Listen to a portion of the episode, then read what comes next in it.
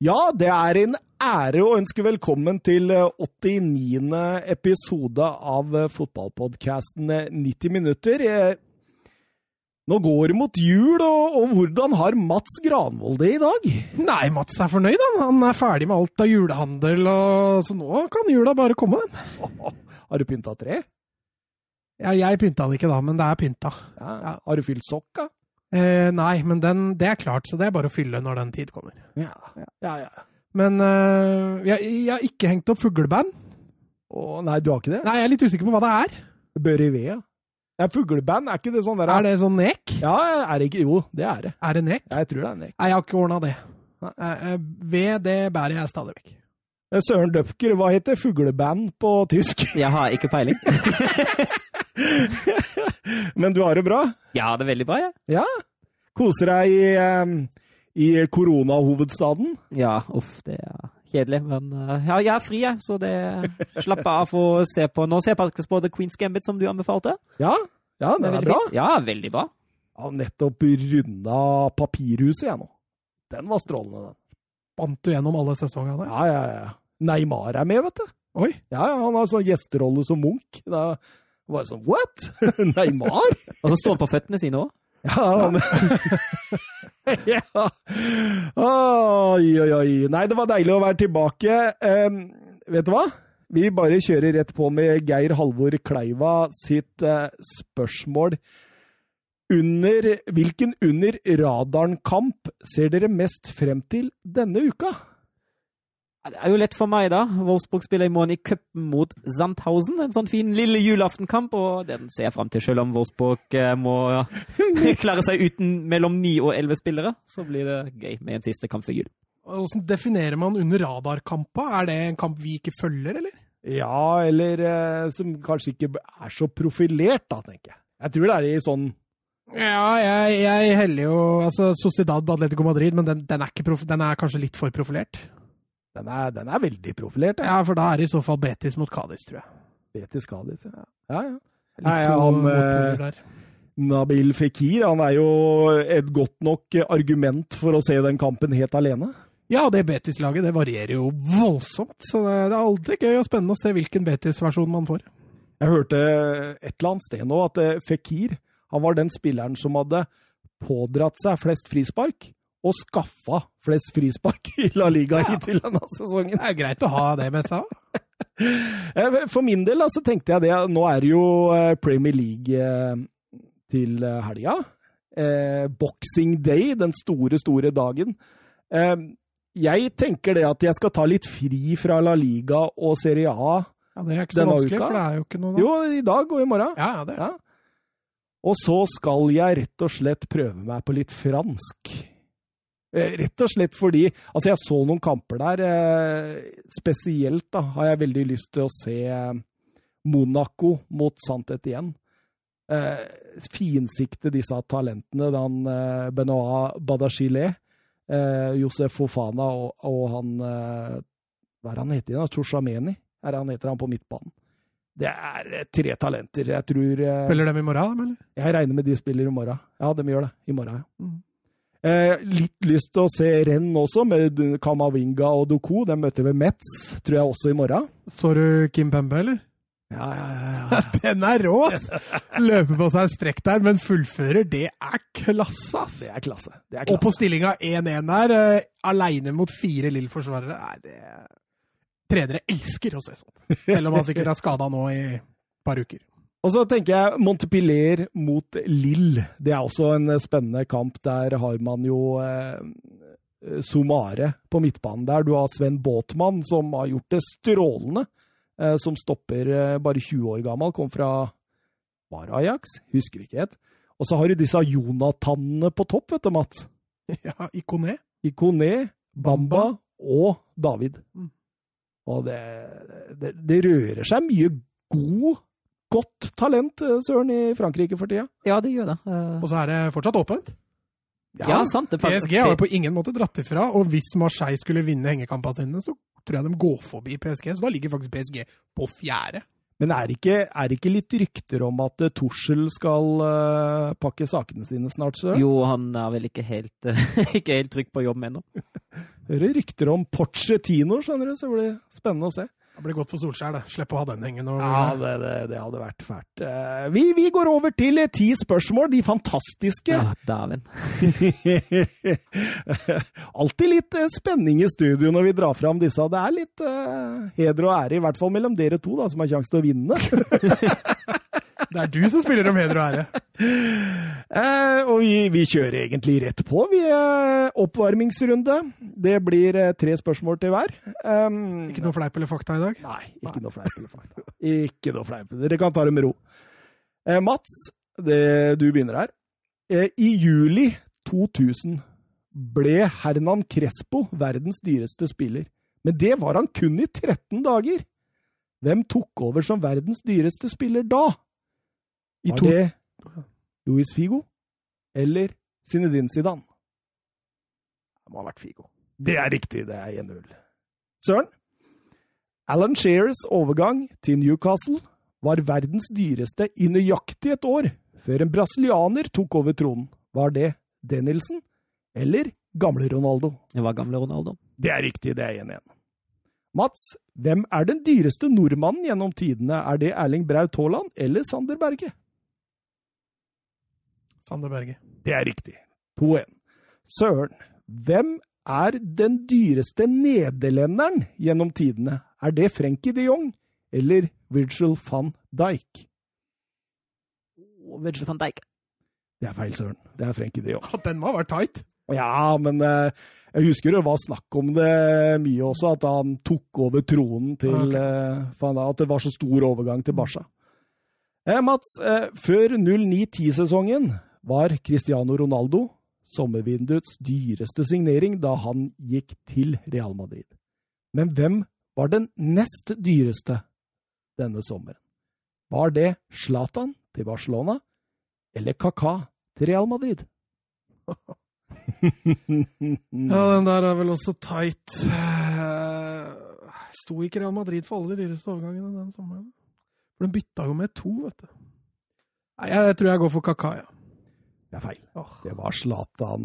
Og da har du sjanse til å, å få raska med deg et poeng, Søren. Eh, Og spørsmålet er som følger. Det ble også handlet i Bundesliga i det samme vinduet.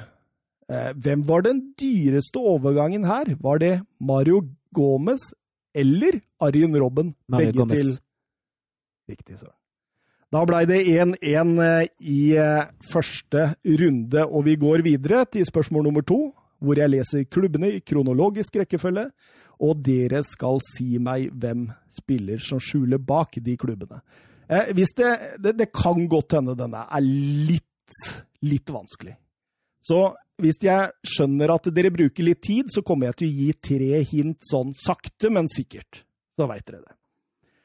Hvis dere tar den eh, raskt, så blir jeg imponert. Boca Juniors. AC Milan. San Lorenzo. Alaves. Atletico Madrid. Villarreal.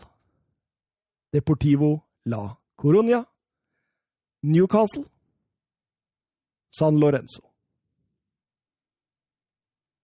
Det er dørgende stille her.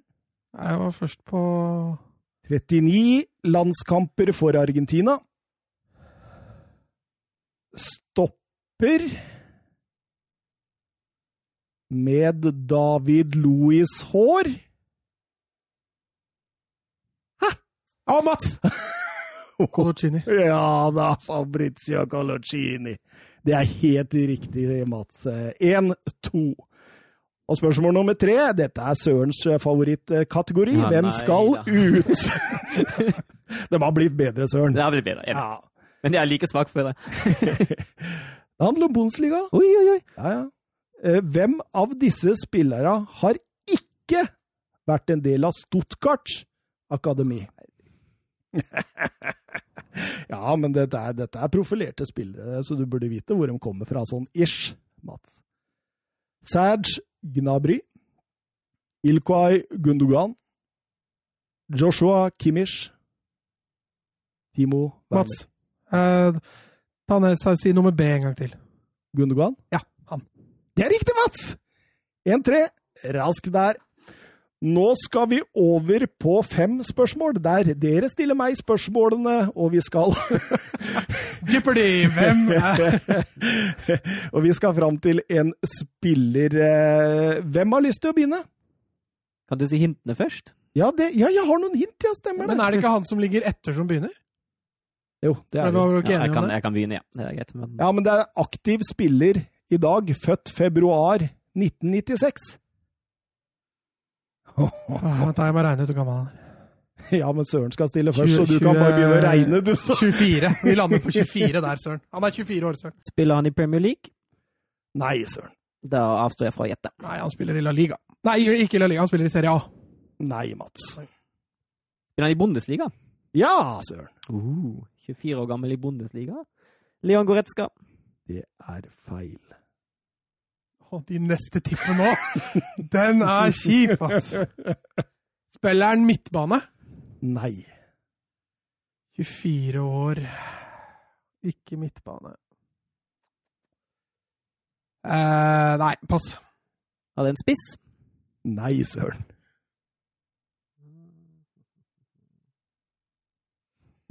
Nei, jeg melder pass den runden. Oi, oi, oi, oi, oi. Er det en keeper? Nei, Mats.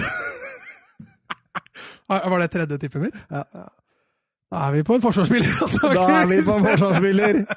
24-årig forsvarsspiller. Uh, er det Syle? Det er feil. Spiller han i Bayern München? Nei, det gjør han ikke. Nei. Ah. Jeg husker ikke hvor gammel han er. Er det Angelinho? Det er feil, Søren. Ja, er han tysk? Ja. Spiller i forsvar tysk. Herregud, nå står det bøtte stille. Håper de hjemme også tenker så det knaker nå. 24 år, tysker, spiller i Bundesliga, men vi har jo ikke laget hans ennå engang. Nei, det har dere ikke. Dere veit at det ikke er Bayern München? Ja. Brooks han er eh, eldre enn 24, er han ikke det? Ja, han er jo godt over 30. Det hadde vært veldig kult om det hadde Ja, ja, Søren begynner å klage nå, så Nei, jeg tipper Brooks, jeg, Søren. Det er feil. Spiller han i Leverkosen? Det gjør han, Søren. Ja, det er Jonathan Ta. Ja, det er Jonathan Jeg Ta! satt og googla, så du? jeg gjorde ikke det. Fader, Søren. Eh, 3-2. 3-2 til Mats, og vi skal over til eh, spørsmål 5, som er en storytell. Eh, Vår spiller blei født i Norte di Santander tidlig på 90-tallet. Jeg nevner ikke dato her, for da kan Søren Det var lykketreff forrige gang, altså. Av foreldrene Wilson og Maria. Men eh, hvor sa du han var født? Norte di Santander. Ok, Er det Spania eller Argentina? Det kan jeg ikke si noe om. Det kan jeg ikke si noe om ennå. Det kommer etter hvert. I 2001 startet han på Akadem Academia Tolimese di Fotball, hvor han la stein på stein i over fire år til det som skulle bli en svært habil fotballkarriere. Han var kun 14 år da han skrev under for Mvingado, og satte rekord 21. mai 2006 ved å være sitt hjemlands yngste spiller medvirkende i en profesjonell fotballkamp. Det gikk rykter over de lang, ganske land om den lille gutten med den silkemyke venstrelabben og den blendende teknikken. Dette ryktet nådde helt til Banfield, som la 280 000 euro på bordet for 17-åringen i 2008. Ah, I løpet av 09-10-sesongen spilte han seg til fast plass, og en perle fra langt hold i vinkelen sikret Banfield deres første ligatittel i klubbens historie. Allerede da hadde Odinese begynt å snuse på spilleren, og hadde gitt et bud på fem millioner som Banfields eh, takk... Søren. Ja, Er det Alexis Sanchez? det er feil, søren. Av venstrebeint. Det Banfield takka nei til, og kalte budet for et hån. Det var under denne tiden han ble sammenlignet med Cristiano Ronaldo og fikk kallenavnet The James Bond of Banfield. Den påfølgende sesongen fortsatte suksessen. Resultatet ble en overgang til FC Porto og en lukrativ fireårskontrakt for gutten med den fantastiske venstrefoten. Tiden i Porto ble en gedigen suksess, men det var ikke før Falcao og Hulk forlot klubben i 2012 han fikk drakt nummer ti og blei Portos fremste stjerne. Du sitter og nikker nå? Jeg tror jeg vet hvem det er. Det ble i alt tre ligamesterskap og en Europa League-tittel, en portugisisk gullball og 25 klassemål, hvor flere av dem var av det helt, helt spektakulære slaget, før Monaco la 45 millioner euro på bordet og gjorde han til datidens nest dyreste eksport. fra Nei, jeg kan ta han nå. James Rodriguez. Hames Rodriguez og 4-2, Mats. Litt tidlig, Søren. Litt tidlig. Litt tidlig. Eh, spørsmål seks. Nå skal vi ha en sitatkonkurranse. Det er en som har sagt dette kjente sitatet, og så skal dere fortelle meg hvem. Mange sitater kommer det? Det er bare ett. Oi. En kjent sitt fotballsitat, og dere skal fortelle meg. Mourinho er Guardiolas rake motsetning. Om Mourinho lyser opp et rom, kommer Guardiola inn, drar ned gardinene Mats. Ja. Zlatan Ibrahimovic. Ja, helt riktig, Mats. Nå, nå er du sterk, men det er ikke avgjort, Søren. Henger med. Spørsmål sju. Hvem er jeg? Jeg er født 29. november 1973. Jeg vet det, jeg må regne ut. Det ser du på Søren. Ikke den gang, altså. Alessandro Del Piero har sagt om meg det er litt flaut, jeg har grått to ganger i mitt liv når jeg har sett fotball. Den første var av Maradona, og den andre var om meg. Jeg begynte min karriere som barne- og ungdomsspiller i Swinton og Manchester City. Jeg var veldig stolt da jeg representerte England Søren U16, ja. hadde Paul Gascoigne. Det er feil, eh, Søren. På Wembley mot Tyskland 1989, noe som blei min første internasjonale kamp av mange. Jeg har spilt med Gareth Bale og Cristiano Ronaldo, men aldri med Antonio Valencia og Rafael van der Fart. Jeg har blitt trent av Mark Hughes og John Torsak, men aldri av Harry Redknapp. Jeg fikk dessverre aldri spilt VM eller EM fordi Wales klarte aldri å kvalifisere seg for mesterskapene. Men jeg har spilt OL for Storbritannia. Å ja, det er jo Ryan Giggs. Ryan Giggs! Jeg tenkte jeg skulle lure dere vet du, med England og Ja. Manchester City og alt. Ja, det var så deilig. Ja, det fungerte fint. 6-2, Mats, er det det? Jeg holdt på å si Aaron Ramsey, faktisk. Ja, Jeg ja, har gått på en skikkelig blemme. Spørsmål 8. Hvem skal ut? To av de, altså. Ja, ja. ja. En av disse har ikke vært toppskårer i et EM-sluttspill. Altså endt opp som toppskårer. Ja. Antoine Griezmann, Jørgen Klinsmann, Alan Shearer, David Via. Snakker du om et VM? EM. Europamesterskap. VM hadde vært litt lett, der kan vi alle! Og så så jeg på EM-lista og bare Oi, har han vært? Oi, hei! Vet du hva, jeg, jeg er sikker på to av dem. Men jeg har ikke Ja, jeg er også peiling. sikker på to av dem, Jeg har ikke peiling på de to siste. Jeg, jeg lurer på om vi er sikre på de samme to, altså. Hvem var den andre? Hva, kan du nevne dem en gang til? Grismann, Klinsmann, Scherer og Via. Jeg går, jeg. Mats. Mats går. Ja, han går Snakkes. i offside, eller? Jeg går, jeg, for uh, Klinsmann. Det er riktig, Mats! Å, nå er du sterk, altså! Nå er du sterk. sto mellom ham og Shearer for meg, altså. Jeg ser det visste jeg. EM 96. Spørsmål ni. Dere skal svare annenhver gang. Eh, Jeg hadde lagt opp dette til at Søren skulle få ta Bundesliga, og Mats skulle få ta La Liga. Men det ville bli svært eh, unfair, fant jeg ut, fordi eh, La Liga har dobbelt, over dobbelt så mange røde kort Oi. som Bundesliga. Så da måtte jeg ta Premier League. Så da er det spørsmålet hvem har fått røde kort i Premier League denne sesongen, og dere skal svare annenhver gang. Kødder du med meg, eller? I Premier League denne sesongen. Mm. Det er jo en del vi har snakka om her, da. Hvem er det som begynner? Nei, det, dere må jo si navnet deres, da. Man. Ja, Mats. Ja. PP. PP med sitt Mandalsnuss, det husker vi, ja. Uh, Granit Sjaka. Faen, jeg visste det! Jeg satt og tenkte på det, for da har jeg to stykker, men eh,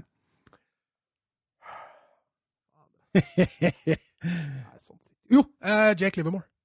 Jake Livermore, ja, det var i Det, helga. det, er også, det er også andre gule, antar jeg. Ja, ja. Ja, Gabriel. Gabriel, det er helt riktig. Det er helt riktig. Dere har, dere har kjørt ned alle Arsenal nå. Det var bare sånn det gikk. Ja, ikke sant. Jo, eh, Andreas Christensen. Andreas Christensen, den er riktig, Mats. Å, nå sliter jeg hardt, altså. Eh, Og det er så mange Når jeg sier navnet hans, dere, vil bare dunk, dunk, dunk. mm, Ja, kommer jeg på en til. Jeg. Hvis ikke du tar den, da. Å nei, jeg tror ikke jeg tar noe nå, altså. Uh... Det var ett til i helga, Søren. ja, sikkert det. nei, veit du hva. Uh, jeg tror jeg melder pass, jeg. Ja. Mats? Uh, John Egan? Ja, helt riktig. Jeg var helt sikker på at dere skulle ta Martial. Når han, Ja, selvfølgelig. Ja, eh, ja, ja, herregud. Den var jeg sikker på at dere skulle ta. Benteke nå for uh, to runder siden. Den var jeg også sikker på at han skulle ta. Ja. Uh, også, Det, er- det, er, det er ikke så lett å ta det sånn Nei. Nei, nei, nei det, er, det er klart det. Og det, og det var derfor jeg også prøvde å legge opp til en Bundesliga, La Liga. For at dere liksom på en måte skulle virkelig føle dere hjemme. Men det ville vært unfair. altså Du hadde hatt mange flere å gå på. Der, der går du unna i La Liga, altså! Det, det, det er litt dommernes skyld òg, ikke bare spillere. Spørsmål 10. Qatar Sports Investment kjøpte seg inn i Paris Saint-Germain sommeren 2011, og i motsetning til mange nye eiere av klubber holdt QSI på daværende trener Comboire. Men etter en svak start på 11-12-sesongen fikk sportsdirektør Leonardo nok og sparket han. Spørsmålet er hvem ansatte Leonardo som Paris Saint-Germains første trener under Qatar Sports Investment? Lauren Blad. Det er feil. Jeg har faktisk null clue her, altså. Ja, Eh, det, er ikke, det er ikke Emery. Det var før det. Ja, ja. Eh, tror ikke Angelotti har trent der engang, så Jo, altså! si kom igjen, da, kom igjen! Si Ja, da kan Carlo Ancelotti!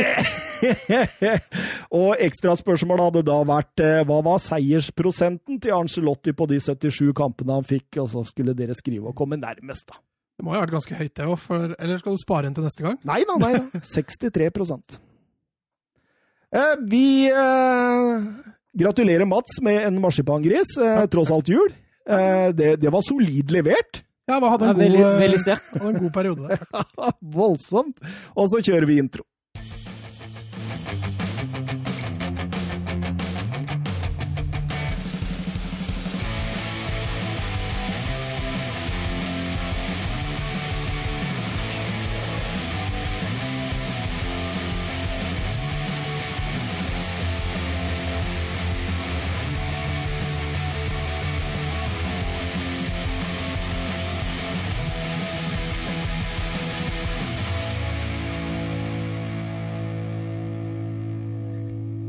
Ja da, ja da, og som vanlig så begynner vi i eh, fotballmetropolen.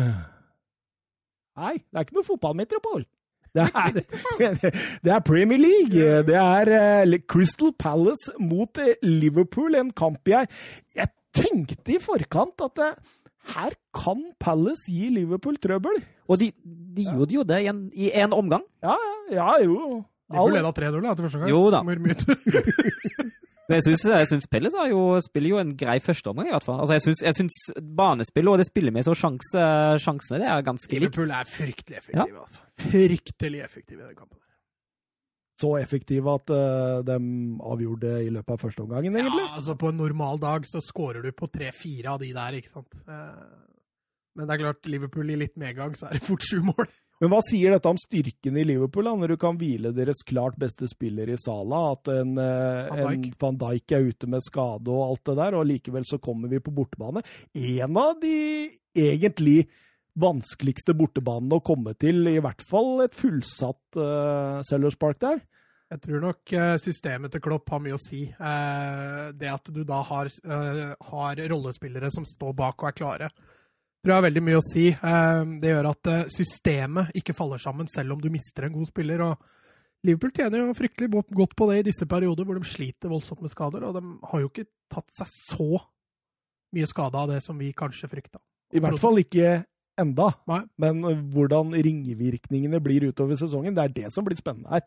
Men jeg tenker en ting, da, når jeg ser på Liverpool nå, at det, som, du, som du er inne på, det med spillemønster og de, de faste avtaler og, altså, Se hvordan de tre, nå var det Minamino som var framme med Mané og Firmino, hvordan de lager rom til hverandre.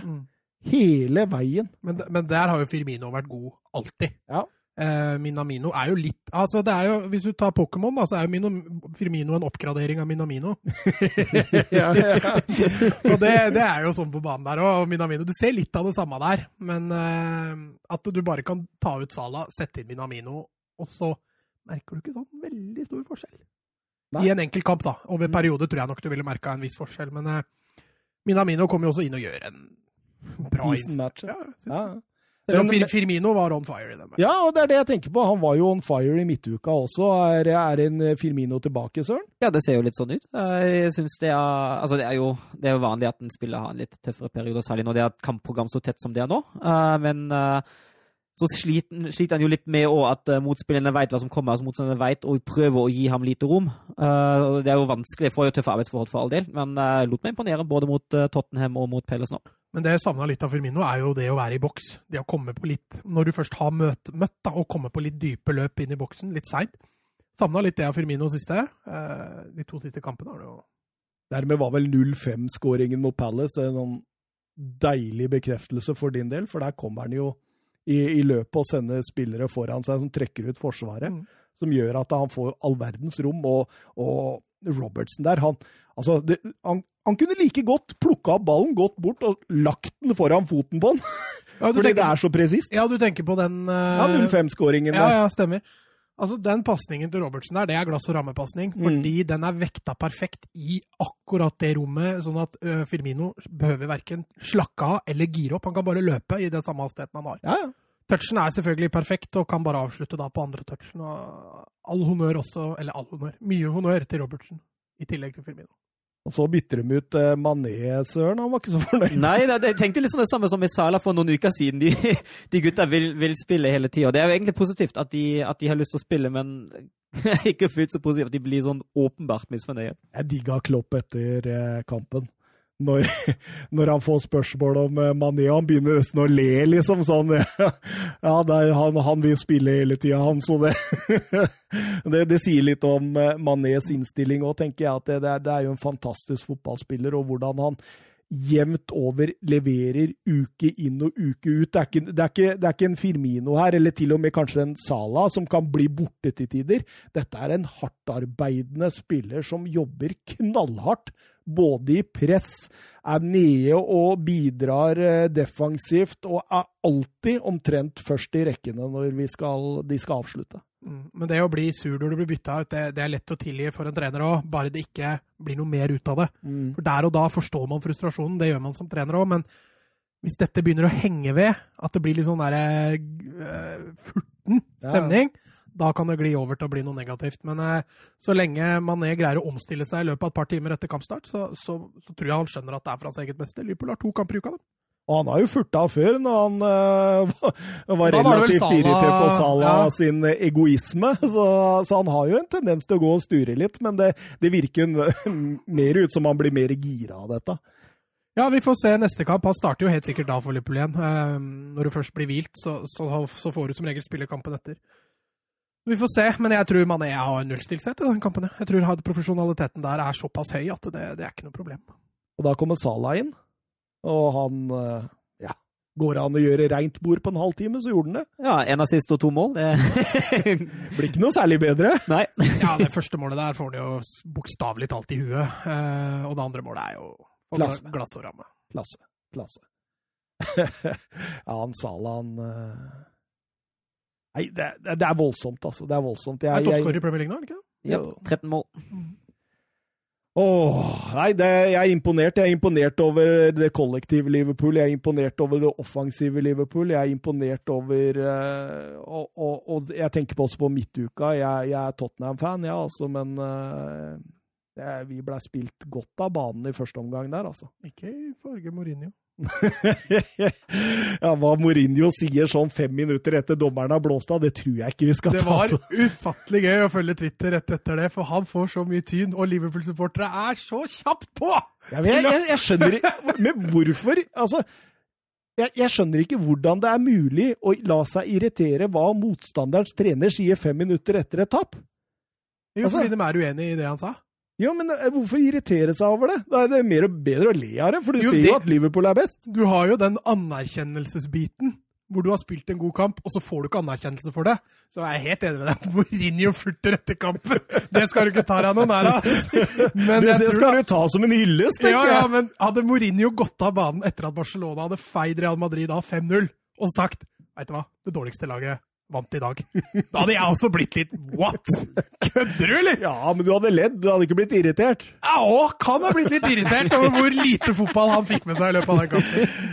Men det, altså, det handler jo ikke om hvor lite altså, Jeg tror Mourinho også innerst inne eh, forsto det. Men Men, men, men, han sier det for å på en måte skape litt sånn Og, og, og expected goals, det støtter jo Mourinho, faktisk, i den kampen.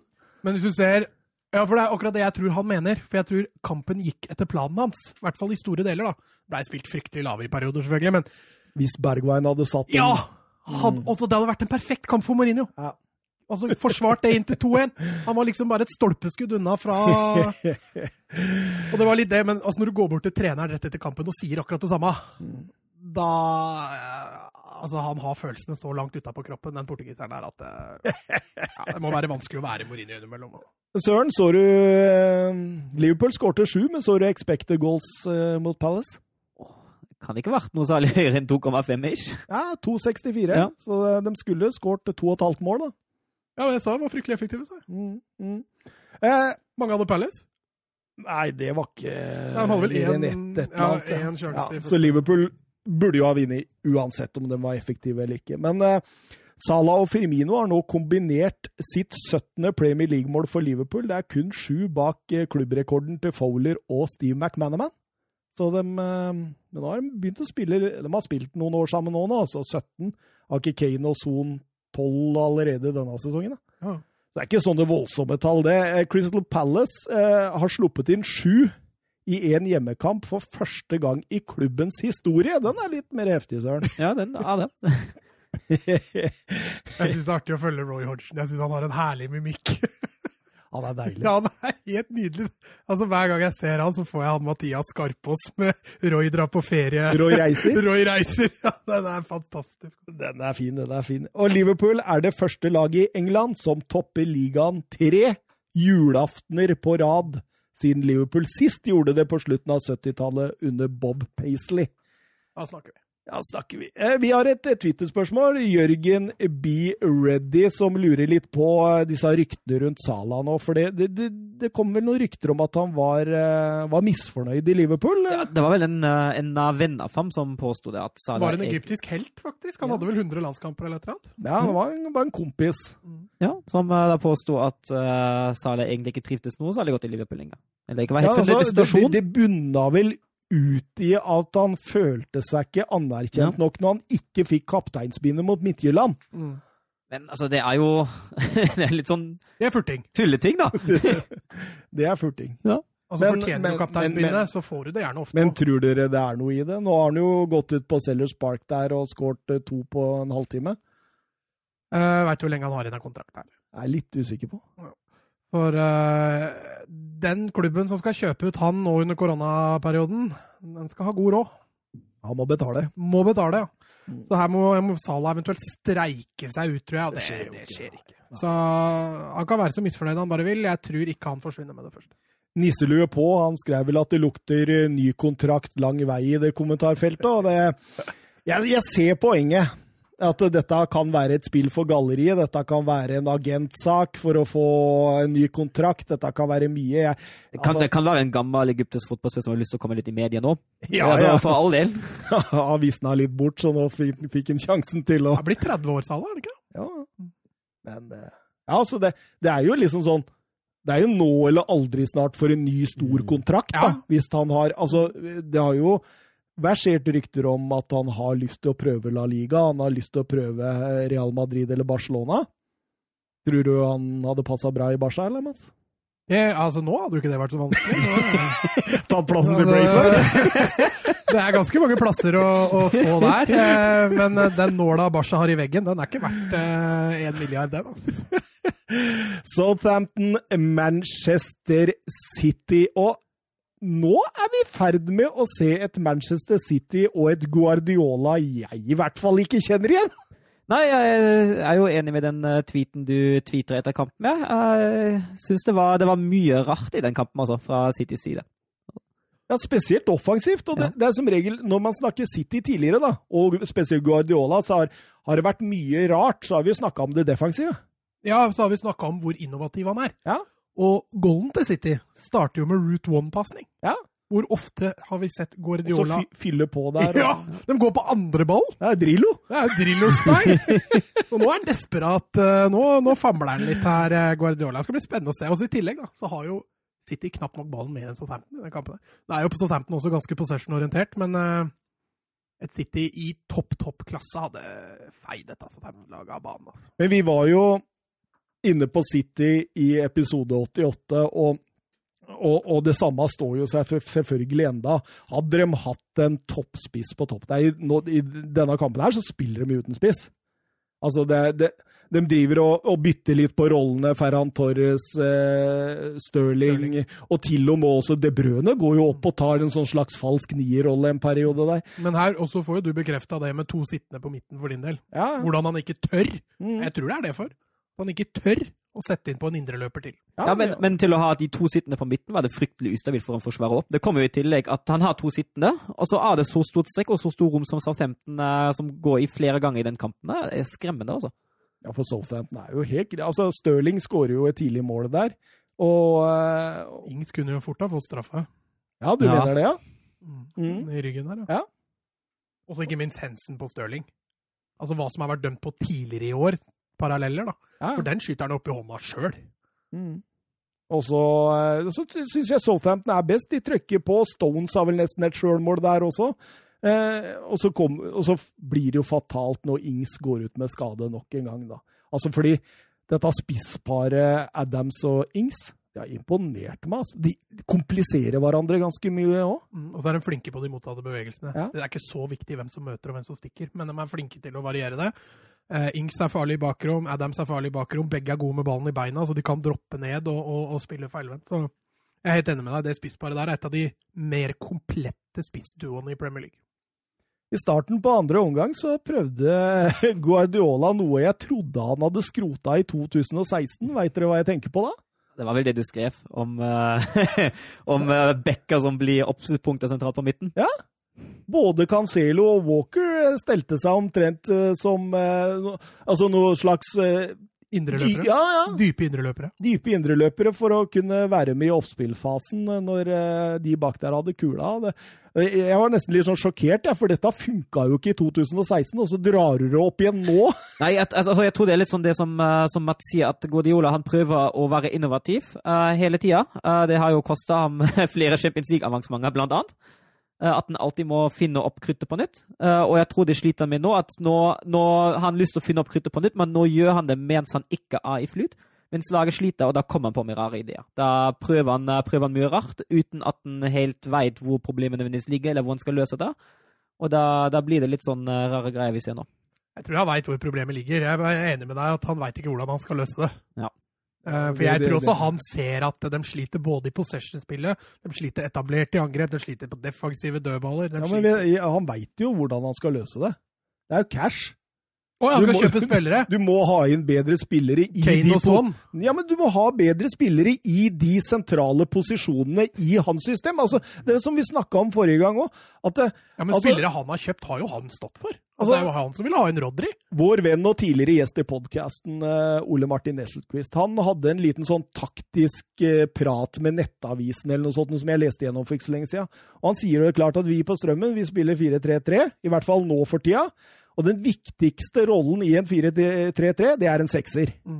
Og, de, og den sekseren, den har han jo alltid hatt. Alonso, Busquets, eh, Philip Lahm, eh, Fernandinho i sin eh, tidligere periode. Og så er Fernandinho for gammel. Han kan ikke spille hver kamp. Han kan kanskje spille hver femte kamp, omtrent, fordi kroppen hans er så skrøpelig.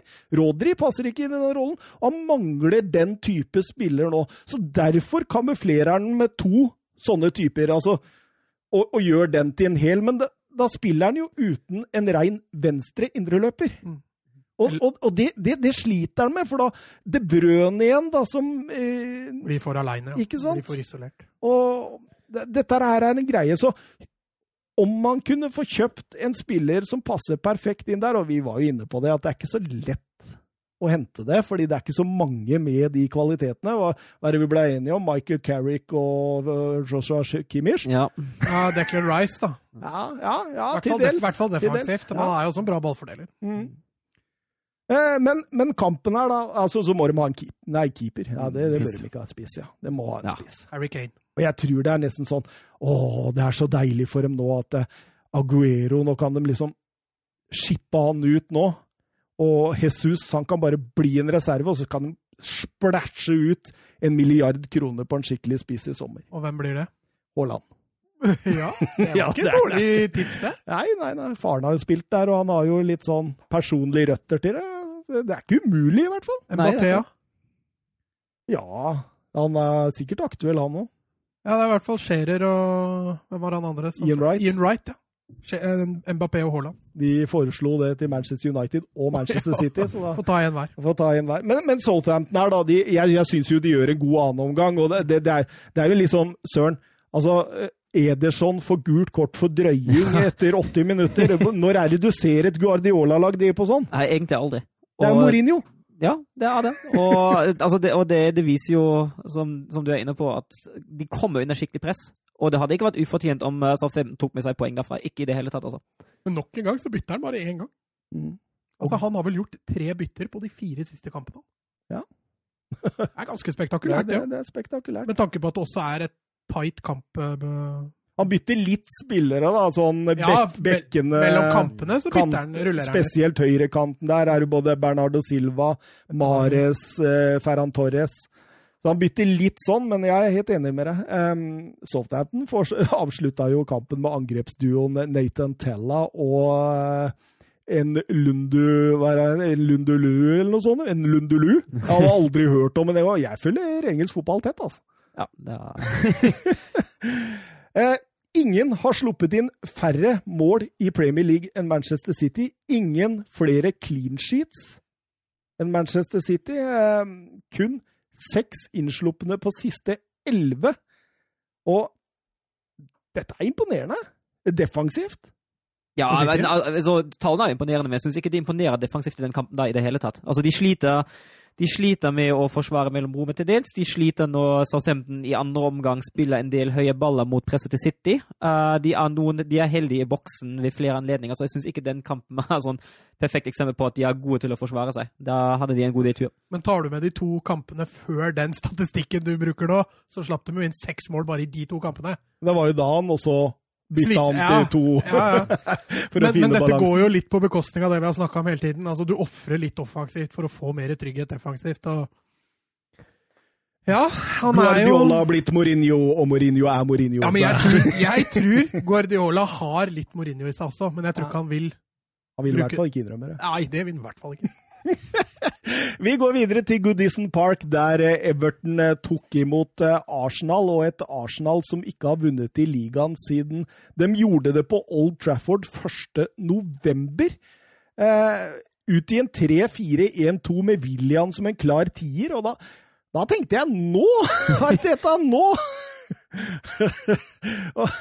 og, det hjalp jo ikke med skaden på Aubameyang. Altså det, og, og, og når Holding da setter skjærbord der, så tenker du det. Ja, det, er, det er maks uheldig, da. Det er ikke noe klønete sånn sett. Men um, ja, hva skal man si om dette Arsenal? Det, det, det er jo det samme som vi har sett så mange ganger. Det er det samme som vi har snakka om så mange ganger. Den, eh, den offensivt beste spilleren eh, mener jeg nesten er Kevin Tierney. Uh, det, altså, det går så mye via ham, det går så mye via kant. Det er det eneste de prøver på. Kant, kant, kant. Slå i boksen. og så...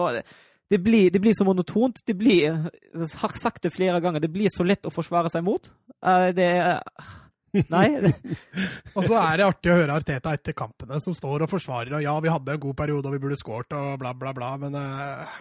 Ja, for Alex på Twitter han spør er det forsvarlig av Arteta å dra fram expected goals når det ser ut som Arsenal kunne spilt hele natta uten å skåre mål? Ikke i den kampen, fordi i den kampen har de expected goals på 1,25 og skåra ett. Det er jo eh, akkurat det de skal få. Det som er jo litt bittert for dem, er at Everton ligger på 0,66 og, og kanskje burde da skåre maks ett, de òg. og hvis man ser det Jeg, jeg satte meg ned og så på den statistikken nå før, før podkast. Hvis man ser på statistikken av expected goals over sesongen. Uh, Arsenal står med 14 poeng og har målforskjell 12-18. Expected goals sier at de burde ha skåra 15,5 og sluppet inn 16,5. Og expected poeng på 18,84, så de får bitte litt underbetalt. Uh, men altså Vi snakker det, det, Arsenal. vi, snakker, vi snakker Arsenal, og med 18 poeng hadde de hva vet jeg, ligget på tiende-ish, tror jeg. Mm. Uh, og det kan, altså, kan godt hende at han har litt rett at effektivitet må bli bedre, men jeg syns hovedproblemet ligger helt andre steder enn der. Altså. Og så er det sånn, jeg tenker også så, så får de dette straffesparket da, Tom Davies, herregud. Det var... Men, Fint at Oria kom og ja, laget ja, sant? rundens det, det, bare, det bare kom en seinere og bare toppa den, men, eh, men Nicolas PP setter straffesparket rett før eh, pause, og da tenker du liksom at å, en ny Og så, så, er, så er det full, full eh, kløning igjen defensivt på dødball, og Jeremina får gå så å si uh, uhindra opp og sette 2-1 på nærmeste. Da går de jo til pause igjen, da! Og så er det så slitsomt når du er inne i en dårlig periode, og så slipper du inn på det mest etablerte forsvaret du kan ha, da, som er dødball imot. Og I hvert fall en corner, så, så må det selvfølgelig være fryktelig frustrerende når, når mar markeringa glipper. Vi kommer til en Barca-kamp seinere hvor markeringene glipper i litt større grad, faktisk. Men, men bittert er det uansett. Og du kan jo si at Everton mer eller mindre bare grinda ut dette utover i Ja, annen omgang. jeg syns det. Jeg syns Arsenal prøver å presse litt på fra, fra starten av andre omgang til sånn 55-60. Da syns jeg de har et lite overtak. David Louis i stolpen der òg. Ja, eh, litt i den perioden der, men utenom det syns jeg Everton har full kontroll. Og jeg syns mot slutten er det Everton som er farligst på overganger. De var nærmere sitt tredje enn Arsenal sitt andre sånn uh, rent spill, sp uh, kampbilde sett. Arsenal sine ti siste Premier League-kamper eh, er som følger. De har fem poeng. Det er 19.-plass i ligaen. Eh, I åpent spill har de to mål. Det er færrest i hele ligaen. Skudd på mål per kamp er 2,9. Det er 19.-plass i ligaen. Dette er heftige tall, Mats. Ja, det begynner å bli vanskelig å forsvare dette. Eh, Men jeg veit jo den eneste kampen de har vunnet der. United. Ja, det er Manchester United. Og når vi, når vi først er på, er på expected goals har de hatt en, Hele sesongen har de hatt en expected goals på over to i én en eneste kamp, og det var den første mot Follheim. ja. Da vant de ganske greit 3-0. 3-0 òg, ja. Mm. Eh, William Gallas ute etter kampen og sier 'spark Arteta og hent Patrick Vieira' nå som han er blitt sluppet av NIS. Hvem var det som sa det Gallas òg? Gallas sa 'spark Arteta, oh, ja. hent Jeg Vieira'. syns du sa William og Gallas, jeg. Tenkte jeg bare yes. Eh, holding eh, ja, ja, Skal vi snakke litt om Patrick Vieira? Tror du det hadde vært nøkkelen, eller? Nei. Nei. Han har jo ikke vist Nei, noe spesielt, han vært, eh, I Frankrike har han ikke vært Ikke MLS selv. Hæ? Ikke MLS. Nei, han har ikke vist noe. Men det er klart, det har den klubbfølelsen. da, Få en legende inn igjen i trenerrekkene. Det vil sikkert eh, vekke litt følelser rundt Men klubben. Og, Det- det- det, er jo det samme, ja. Det er akkurat det. legende, han òg. Det er akkurat det samme. Det er samme Både ikke like stor som Vieira. Vieira. Tror jeg har en helt annen status. Ja. Um, men, men det han har vist, gjør at du blir ikke veldig optimist. Nei, det er absolutt sant, det. De trenger uh, faktisk en Mourinho. Ja, ja, ja, ja absolutt. En Allegri var vel også rykta. Men det hadde jo kanskje vært det beste for dem. Men Mm. eh, Allegri hadde ikke det, altså. Jo, Allegri hadde vært helt greit. Bedre enn det som Det er det de trenger nå. Ja, enig. Eh, Arteta han sliter i hvert fall når de ligger under til pause. Det har de gjort ti ganger under Arteta, og det har blitt eh, tre uavgjort og sju tap. Mm. Så de skal helst ikke ligge under til pause, og dette er den verste starten Arsenal har hatt siden Hør nå 1974-75. 1974-75! 45 år siden. Ja, det, det var nesten krigen, søren! Altså, det er kortere ned til nedrykk enn opp til Europa League, og Arsenal har spilt 14 kamper. Det er, det er trist, da. Det er trist, da. Altså, Arsenal altså, jeg er ikke, Som Tottenham-fan så er jo ikke jeg Arsenals største beundrer, men å, jeg kjenner Altså, jeg har jo vært der sjøl. Medlid, medlidenhet. Ja, ikke sant? Det er liksom, men samtidig, da. Det der Arsenal TV det underholder jo meg hver eneste uke. Ja. Jeg så et klipp på Twitter nå, det er jo helt fantastisk. uh, rapporter tilsier at Arteta har, uh, har uh, tillit i styret og får penger til å handle en kreativ midtbanespiller i, i sommer. Ja. Nei, i vinter, mener jeg. Så det blir spennende å se hvem det hvem kunne passa ham, Mats? I den Kreativ. uh, dype. Ja. Hvis han får Nei, velge på altså, han er kreativ, da. Det var ja, det det Jeg tror han trengte en Modric, kanskje. Kanskje en Eriksen. Får ikke Modric nå, vet du. Det var slutten av sesongen, det. Og da er jo han 36. Nei, det går ikke. Christian Eriksen, ja. Åh, Ja. det hadde vært stygt. Det hadde vært stygt. Eh, Vi fikk også et spørsmål her fra Anders Hansen. Oddsen på nedrykk. Hvor deilig er det ikke å se at Arsenal flørter med nedrykk-gutta? Er han Tottenham-supporter, han, eller? Jeg har ikke inntrykk av det. Han, han liker ikke Arsenal og Barcelona, har jeg skjønt. Men Arsenal står til 26 her. Det er, det er fortsatt um, det er fortsatt eh, høyere odds enn Leeds, Palace, Brighton, Newcastle, Burnley, Fulham, Ja, altså, West rykker, Bromwich og Sheffield at, de, United. at de rykker ned, kan jeg ikke se for meg, altså. Men uh, det blir nok ikke en særlig suksessrik sesong, det. Men jeg syns det er deilig. Ja, som Tottenham-supporter gjør det, så klart. Nei, jeg tror ikke de rykker det heller. Det tror jeg skal fryktelig Nei, nei. mye til. Nei, nei, nei. Og så skal vi over til en annen forferdelig kamp. Den spiltes på Tottenham Osper Stadium mellom Tottenham og Leicester. Ah. Ja, men altså, det var jo det var, For oss som var nøytrale. ja, ja. Altså, det var, jo, det var jo to lag som hadde akkurat den samme filosofien, både defensivt og offensivt. Eh, begge var livredde for de kjappe overgangsspillene til motstanderne. Begge prøvde å komme seg på bakrommet. begge altså, hadde kontringssikringa ganske høyt oppe på lista når de først prøvde seg litt fram. Og da jeg satt litt, Vi snakket litt om det før podkasten, og vi, vi var vel enige, Thomas, at uh, vi satt begge to med litt en følelse underveis at den som skåra første mål, hadde en vinner. Ja. Så var- Jeg tror ikke Tottenham var så komfortable med å ha ballen mest. Nei, men det er jo, dette er jo de to laga i ligaen, begge to, som har tatt flest poeng ved å ha ballen minst. Så det er jo åpenbart at, eh, at eh, Rogers og Mourinho har funnet en ganske lik oppskrift, og nå er de i ferd med å lage kake. Så får vi se hvor god kaka er. Fin referanse. Og, og eh, ja, det blir rett og slett en slags konkurranse om hvem som utfører dette, denne type spill best. Da. Og jeg mener at de har ganske like forutsetninger. Jeg, når, jeg, når jeg ser på det Leicester-laget, så, så slo det meg når, nå, nå har spillere begynt å komme tilbake. En Didi, Madison Og når jeg ser på er i ferd med å slå igjennom. ja, for faen, det er jo fantastisk. Og, og når jeg ser på det laget der, så at det kan blande seg opp i, i topp fire, det, det, er jeg, er nesten sikker på. Altså. De holdt lenge i fjor òg. De gjør det, og de, de, de er solide. Og, de, de gir Tottenham utfordringer på det Tottenham er gode på. Ja, og det, det, det altså la spesielt merke til der, når Kane først kom seg i en, eh, i en ballfordelerposisjon og kunne slå i bakrom, så følte de løpende ekstremt disiplinert. Det var ekstremt vanskelig for Kane å tre gjennom uh, til særlig Son. For Son hadde alltid en på, på seg, og den, uh, den brøt igjen en pasning av deg. Det var ekstremt godt jobba der. Det er lettere å kontre på Sjaka og Thomas Party enn det er på Ndidi og uh, Tilemans. Det er det ingen tvil om.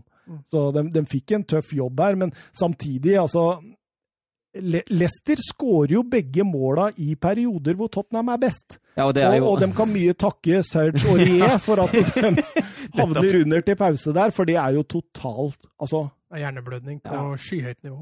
jeg trodde ikke mine øyne, egentlig. Tre minutter på overtid når det står 0-0 i en sånn kamp. Og han er på vei utover! Mm. Han er på vei utover! På hjørnet av 16. Løper hun ned bakfra? Du har ikke kjangs til å ta ball! Nei, det er helt, eh, det er helt Og skandale. så da blåser jo ikke dommeren i første gang, så du legger ikke så godt eh, merke til men så ser du reprisen. Det blir bare dummere og dummere for hver gang du ser reprisen. Ja, det er nettopp det. Og for første gang jeg så så tenkte jeg det der kan jo aldri være straffespark. Og så blåste den, og så gikk eh, reprisa på reprisa, og så bare Jo, dette er klart som natta, liksom. Og eh, Aurier eh, Siden Aurier kom til Spurs i, før 17-18-sesongen, er det kun David Louise som har lagd flere straffer enn ham. Da snakker vi kløne, altså. Tenk forsvar med Aurier og Louise. Phil Jones. og Phil Jones, ja, han er ute for salg nå. Ja, ja. Han var det mulig å slå til. Både, både han Arsenal og Tottenham, det er bare å kaste seg på. Både Jones og Lingard er ute for salg i januar. Hørte Aston Villa drev og snusa på Jesse Lingard. Og det verste er at jeg tror at Jesse Lingard i Aston Villa kommer til å bli bra kjøp, hvis det skjer. Han er jo ikke talent lenger, da. Nei, han er ikke talentløs selv, skjønner du. Så Nei, nei, det skal det. nok eh, Vi har mobba han for det, da. Ja, men, men, men det er altså Det er forskjell på en Jesse Lingard i Manchester United og en Jesse Lingard i Aston Villa. Ja da. Altså, i Manchester United, som er et så enormt fotballag, så har man så store forventninger. og Det, er derfor vi også har det litt gøy med Manchester United når det går dårlig. fordi at det, det, det, forventningene bør være så skyhøye, da. Mm. Eh, men eh, over til kampen her igjen, fordi eh, Ja. Eh, Tottenham begynner jo å ta over kampen utover i annen omgang når Toby Alderweireld er uheldig der. og Skal vi ikke laste for mye på Toby på den? Nei, hvis vi ikke laster Holding, så kan vi i hvert fall ikke laste Alderweireld på den. Eh, godt slått i bakrom der. Det er vel nesten det beste hva de kan få til der. Ja, bare hiver seg fram mot Sissoko der. og, og Får maks ut av den der. Og jeg syns utover i omgangen der så virker Tottenham-spillerne litt slitne. Altså, eller litt sånn, altså, det er ikke så mye Altså, Leicester har god kontroll, og når kampen var ferdig, så satt man faktisk med følelsen at det var, det var fortjent. Ja, da. ja, for all del. For all del. Eh, Jamie Wardy er eh, Premier Leagues første som skårer tre mål på bortebane mot samme lag på forskjellig, tre forskjellige stadioner. White Hart Lane. Wembley og Tottenham Hotspur Stadium. Ja, det, den er fiffig! Den er morsom. og så må vi tilbake til eh, 99-2000-sesongen. Sist Tottenham fikk straffespark og selvmål imot seg i en og samme kamp. Så det, det, det går 20 år mellom hver gang dette Ja, da er det jo bare å begynne å telle ned til neste Aurier eh, på å eh, Simen Støvland, er det det han heter? Nei, det gjør han ikke. Han heter Petter Støvland. Han spurte oss på Twitter her. Jeg må bare finne det. Vi får så mye Twitter, vet du. Det er deilig. Seriøse rykter i italienske medier på at Nikola Milenkovic til Tottenham nå. Hva tenker dere? Milenkovic? Er det det han heter? Milenkovic, Milenkovic, Milenkovic. Stopperen til Fiorentina, 23 år vel, eh, Ja. Serbia. Er vel eneste som har stoppa Haaland i år omtrent, eh, på Ullevål der. Eh, strålende stopper. Veit Beit Mourinho var ute etter han i Manchester United. Mm. Så det er jo Og dette er jo Altså, du kan trekke litt sånn paralleller til en Vidic-type, da. Ja. Altså stor, sterk Du har litt sånn Skrinjar Ja, litt Skrinjar. Mm. Så det er åpenbart at de leiter etter denne typen stopper. og Men du ser også det at Mourinho vegrer seg for å hvile Aldevirell og Dyer. Ja, Absolutt. Han trenger den tredje stopperen sin. Han stoler ikke på Sanchez, Ja, han gjør ikke det. han stoler ikke på Rodon. Nei. I hvert fall ikke enda. Og Tanganga, han eh, Er skadet. Er skada. Han er skada. Da har du seks stoppere, da, hvis han henter en til. Ja, men da er det sikkert en på vei ut, vet du. Helt sikkert. Ikke Rodon. Nei, det Fort kan fort bli Sanchez. Ja. Det kan fort bli Sanchez. Han ser ut til å falle lenger og lenger tilbake i Etter den der fatale gamma har vel ikke han spilt et minutt, han. Nei, etter han heada inn mot Westham på slutten der, ja. Nei, Nei han har ikke det. Det er litt Han Europa League. Han tatt en Europa tanga League. i en Dombele med han. Ja, Litt Europa League, så. Mm. Mm. Nei, vi går over til hovedkampen vår. Manchester United mot Leeds. Og det er jo The Roses Derby, som det heter. Eh, Veit dere hvorfor det heter det? Det er vel fordi de har to roser i eh, emblemet sitt, da. Nei, Det stammer tilbake til War of Roses på 1400- og 1500-tallet. Ja, ja, det så jeg. jeg stemmer det. Mm, mm. Eh, Det var en borgerkrig eh, hvor, blodig, den. Ja, den var, den var, ikke, den var stygg, altså. Og, og det går helt tilbake der, og så kommer det over på 1700-tallet igjen, hvor det var en sånn der bomull, eh, ullkrig, hvor Leeds var kjent for ulla si, og så produserte plutselig det industrielle Manchester bomull, og, som gjorde at eh, ulla blei liksom helt, eh, helt borte. Og eh, den blei sett på som en større og viktigere by, og så kom dette på 70-tallet og sånt, med alle disse musikkgruppene fra Manchester, og Leeds ble ikke så mye nevnt. Og så har dette rivaliseringa bare opptatt og opptatt og opptatt og opptatt til hooligans, hvor det, det var fullstendig og, og, og Daily Telegraph har faktisk kåra det til det største rivaleriet i engelsk fotball. Ja, når du ser den historien der, så er ikke det så rart. Nei, Um... Ganske blodig. United historisk best, eh, 46 seire mot Leeds sine 26. Eh, Sist Premier League-oppgjør var i februar 2004. Det endte 1-1. Scholes og Alan Smith målskårer, så det var eh, to tunge navn. Eh, Sist kamp de spilte, var i ligacupen i september 2011. Da vant Manchester United 3-0 med skåringer av Ryan Giggs og to ganger Michael Owen. La vi merke til noe med lagene, eller? Ja, uh, United hvilte jo, hvilte jo litt. Uh, James var inne igjen på høyre kant. Eh, McTomney og Fred sentralt på banen. Uh, Martial på topp. Deilig, deilig. Martial på topp. Da blir det ikke mål, da. Ja, I hvert fall ikke på Martial. Nei, det gjør ikke det. Og det på tross av at Leeds mangla litt eh, spillere defensivt her òg, blant annet i Kokk, så Kakk. Du må si Kach. Robin Kakk. Og ja, altså han Jorente også, som henta fra Real Sociedad, han uh, er jo også missing, og de måtte kjøre en høyreback på midtstoppeplass, og de har litt problemer baki der, Søren. Ja, det hadde de, og det ble jo ganske fort ganske synlig opp. Ja, for dette, dette Du fikk jo ikke satt deg ned og tatt første slurken av pilsen en gang, omtrent, før Scott McTominay setter 1-0. Nei, du ser Leeds ønsker veldig gjerne å bygge opp eh, eller ha frispillinga si bredt i banen og involverer bekker og kanter veldig ofte. Eh, og det straffer seg umiddelbart, altså. Bra press av United der innledningsvis, da. Ja, utvilsomt, men det er jo, det er jo litt sånn, da, fordi Leeds sender fram Altså, før pasningen går, så går ofte løpene til Leeds. Og det gjør at når du får et brudd, så, så er du kjempetrøbbel. Og McTominay kommer jo fryktelig fort bakfra der. Og så var United veldig gode til å doble ballfører på kant, og sette press der, og sette pressfeller ut på kant. Se, Daniel James der gjør en glimrende jobb med å dra ut forsvaret, sånn at eh, Scott McTominay kan bare peise den mot mål. Og så husker jeg ikke hvem som lå i blokka der, men han blokka jo der hvor keeper sto. Så det, det var Aljoski. Alioski. ja, Istedenfor å blokke hjørnet, så hopper han inn mot uh, Mesliere der. Så. Ja, Det var bra satt. Du får ikke den mer i hjørnet uten at den går stang inn. Nei, det var nydelig, og det tar jo bare to minutter til før Scott McTominay setter 2-0. Men, og men det- dette er noe vi ikke har sett av United før i år. Ja, har vi, sett, har vi sett noe av dette i Anon-laga? Nei, men de dype løpene fra en av de toerne bak. Ja. Du har sett Gundogan gjøre det litt i City, men at McTominay skulle begynne å ta dype løp, det tror jeg ikke Leeds hadde forberedt seg på. Uh, han var jo livsfarlig gjennom hele matchen.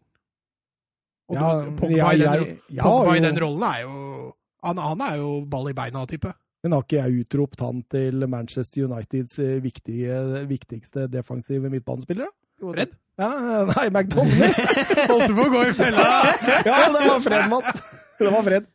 Jo, men han er blitt viktig offensiv òg. Du ser på slutten, jeg hopper jeg veldig langt fram, men han er jo dritsliten på slutten, for han løper noe så fryktelig mye. Ja, men han er en signalspiller for Ja, Manchester United. Ikke sant? Det er, det er Manchester United sin Jordan Henderson. Mm.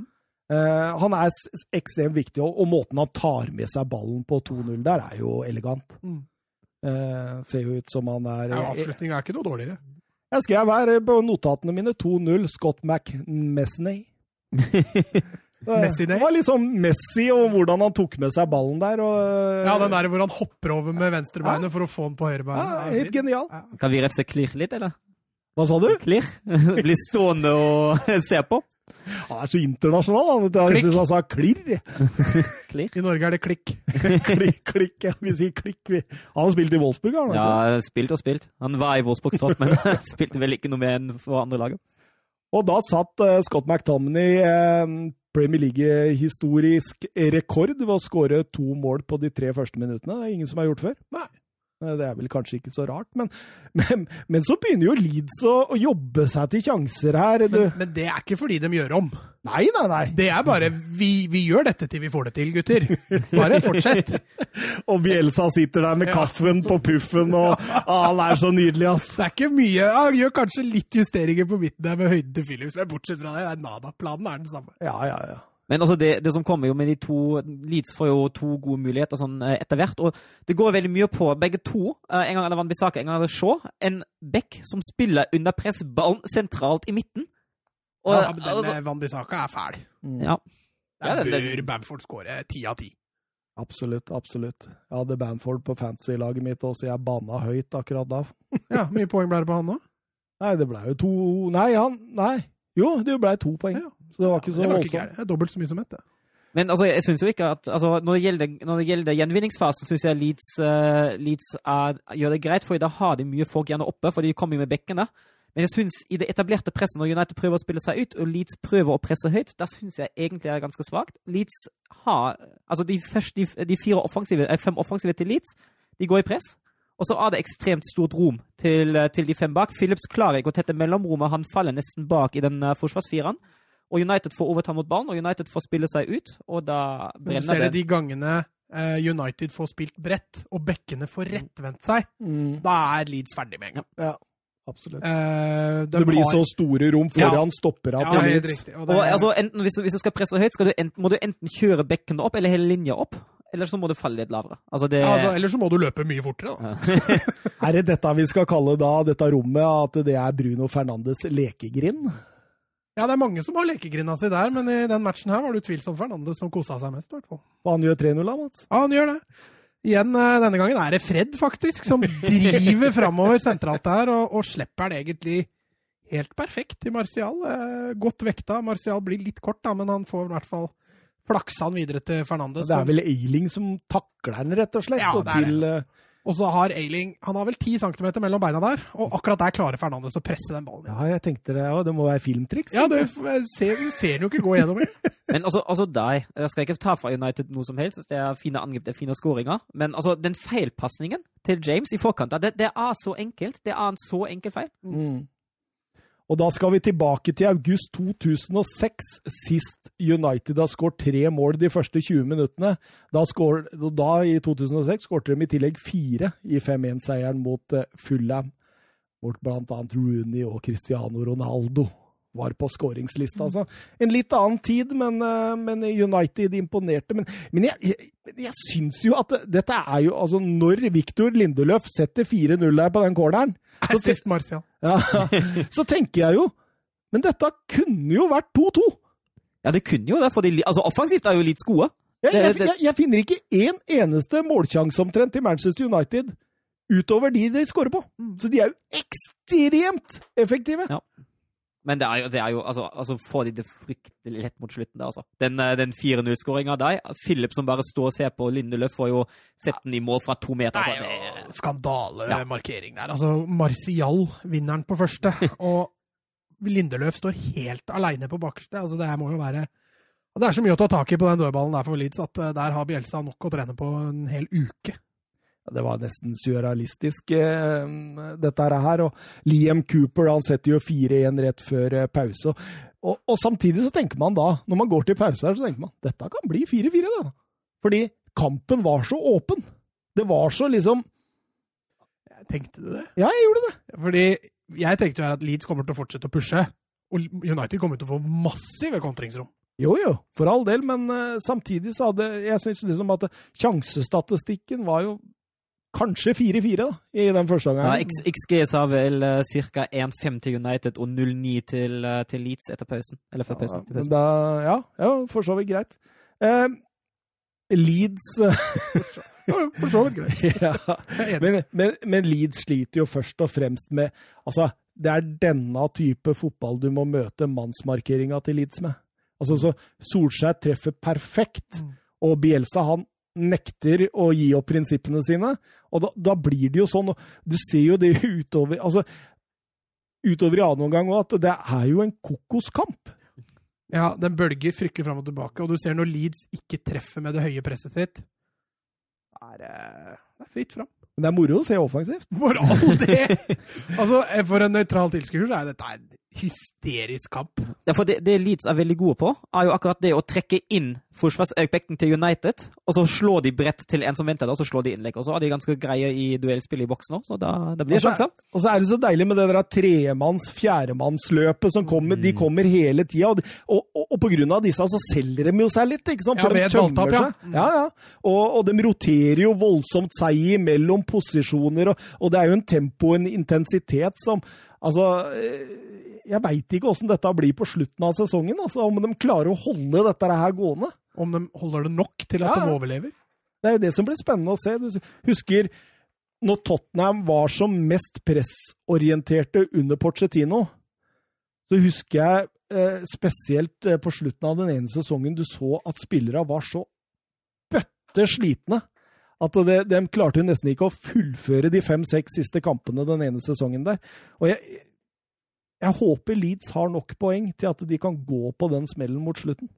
For jeg, Leeds er et lag jeg vil ha her. Ja, ja, og så er, det- er det gøy å se på dem. Den fotballen de spiller, er jo ti ganger artigere enn mange av de andre vi kommer til å få se. Absolutt. Eh, Leeds eh, bytter ut Philips Phillips og Klich som Lich, Søren ja. sier. Altså, så, inn med Strich og, og Shackleton. Ja, særlig Philip syns jeg hadde en fryktelig svak kamp. Vi har snakket om, om det rommet før. Klarte jo på ingen måte å tette som, det som Mats kalte lekerinnen til Thomas som kalte den. ja, Thomas. Ja. Det Som, eh, ja. Men eh, jeg syns han fungerte ikke i det mellomleddet mellom de, mellom de to fire, fire rekkene der. Æres den som æres bør, vet du, Søren. Eh, enorm sjanse til Martial. Vi, vi, vi tar, altså, for det, her skjer det så mye. Det er Martial altså, Hvorfor bruker han den andre touchen til å ikke skyte, når han har dratt seg helt perfekt inn bak forsvareren? Hvorfor ikke skyte? Men- Så skal han ha én touch til! jeg, jeg skjønner ikke jeg skjønner ikke sjøl. Det er helt utrolig, og det er derfor Martial ikke kan være en sånn toppspiss som vi snakker om. Han kan heller være en som kombinerer fra kantene eller et Ja. eller annet sånt. Eh, men samtidig, så du, United slo veldig mye av de pasningene som gikk rett på stopper, sånn at det, eh, eh, en kunne skjære av og dra inn. Ja, du tenker på 5-1-goalen til James der òg. Nydelig, Men altså. det sa jeg før på den. Jeg veit ikke om den pasningen til McTominay er til James. Ja, men De gjorde det flere ganger i kampen, at de slår sånn rett på for å, å bryte av og komme rundt. Ja, ja. Altså, så det blir nesten, Pasningen blir en finte. Mm. Så det, det er ganske Du Setter forsvarsspilleren i en vanskelig posisjon. Ja, ja. Og, og jeg vil også ta med det at Daniel James får gult kort for filming. Det er jo en skandale. Ja, Ja, det var aldri i livet filming. Nei, nei, nei. Det, det, det, det, altså, det er så trist Mm. når Når du faktisk blir straffa for det. Og så ser du for eksempel, vi kommer til det i La Liga, hva David Kosta Nei, David Kosta. David Toska, tenker du? Hva David Tosca får for straff! Han fikk 21 år, han vant! Det, Ja, den var drøy, den filminga. det, er, det er ganske stor straff. Ja, han har jo filma, jeg har sett den, jeg. Nokas-ranet. Så den på kino. jeg. Ja, ja, stemmer. Ja, ja. men, men eh, Danny James skårer jo 5-1, som vi snakka om, og det var litt av den samme type pasning. Ja, og, men altså, McTominays forbeit deg. Han, eh, han våkna på morgenen og tenkte nå leker jeg litt Kevin De Bruyne. altså, det var jo det var nydelig. Uh, både hvordan han drar av motspilleren og hvordan han slår passinger. Det er stort. Absolutt. Um, Daniel James skårer vel for første gang i Premier League på et år, eller noe sånt? var 33 kamper for Manchester United, Mm. tror jeg. Åh, den er drøy. Så får United et eh, straffespark. pass. Konstruert, men uh, greit. Det er jo konstruert, ja. Men Se hvordan bare, bare, beina bare faller under den. Ja, ja, ja. Jeg trodde han var billigere enn det han var med en gang han var, men det, det er jo straffe, så det er greit. Og, og Bruno Fernandes sender jo Meslier feil vei. Um, ja det, det, det Hvor skal vi begynne? For det, det er jo kokos, Søren. Det er Ja, det er kokos. kokos. Vi kan, vi kan jo framheve, framheve 6-2-skåringa til Dallas. Den setter en jo nydelig i krysset. Uh, har lagt igjen fra Finner, som får sin andre assist for dagen. Starta kampen dårlig, men uh, tok seg veldig opp etter hvert. Mm. Og så er det jo det, altså, Kampen er jo det er 73 minutter, det står 6-2, og det er egentlig helt surrealt at det ikke blir flere skåringer. Jeg trodde det skulle bli 6-6. jeg. Ja. Det kunne blitt 8-4 òg. Ser jeg på Mats. Selv på 70 minutter så tenkte jeg nei, dette blir 6-6, faktisk. Begge, Ja, men begge lag hadde jo store Poenget sjanser. Poenget mitt var at dette det, det, Har vi sett en lignende fotballkamp? Ikke så åpen som denne. Nei. Altså helt i altså, samtlige 90 minutter. Altså, det var, det var ingen lockdown, da, Men, som men det jeg var litt enig når han tar ut Bruno Fernandes og Marcus Rashford på 6-1 og tenker at dette er game set match, så scorer Leeds rett etterpå.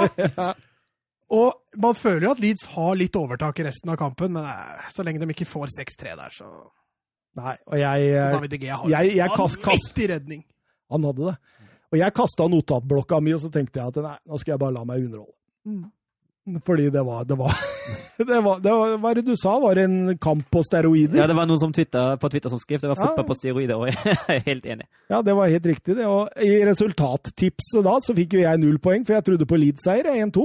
Eh, Søren tippa uavgjort 1-1 og får null poeng, mens Mats får ett poeng. Han tippa 3-1, eh, men eh, du Nei, nei, nei, tippa 3-1. Sånn. Går vi videre. men, men, men, men, men her hører Nå skal vi høre Mats sin flyt.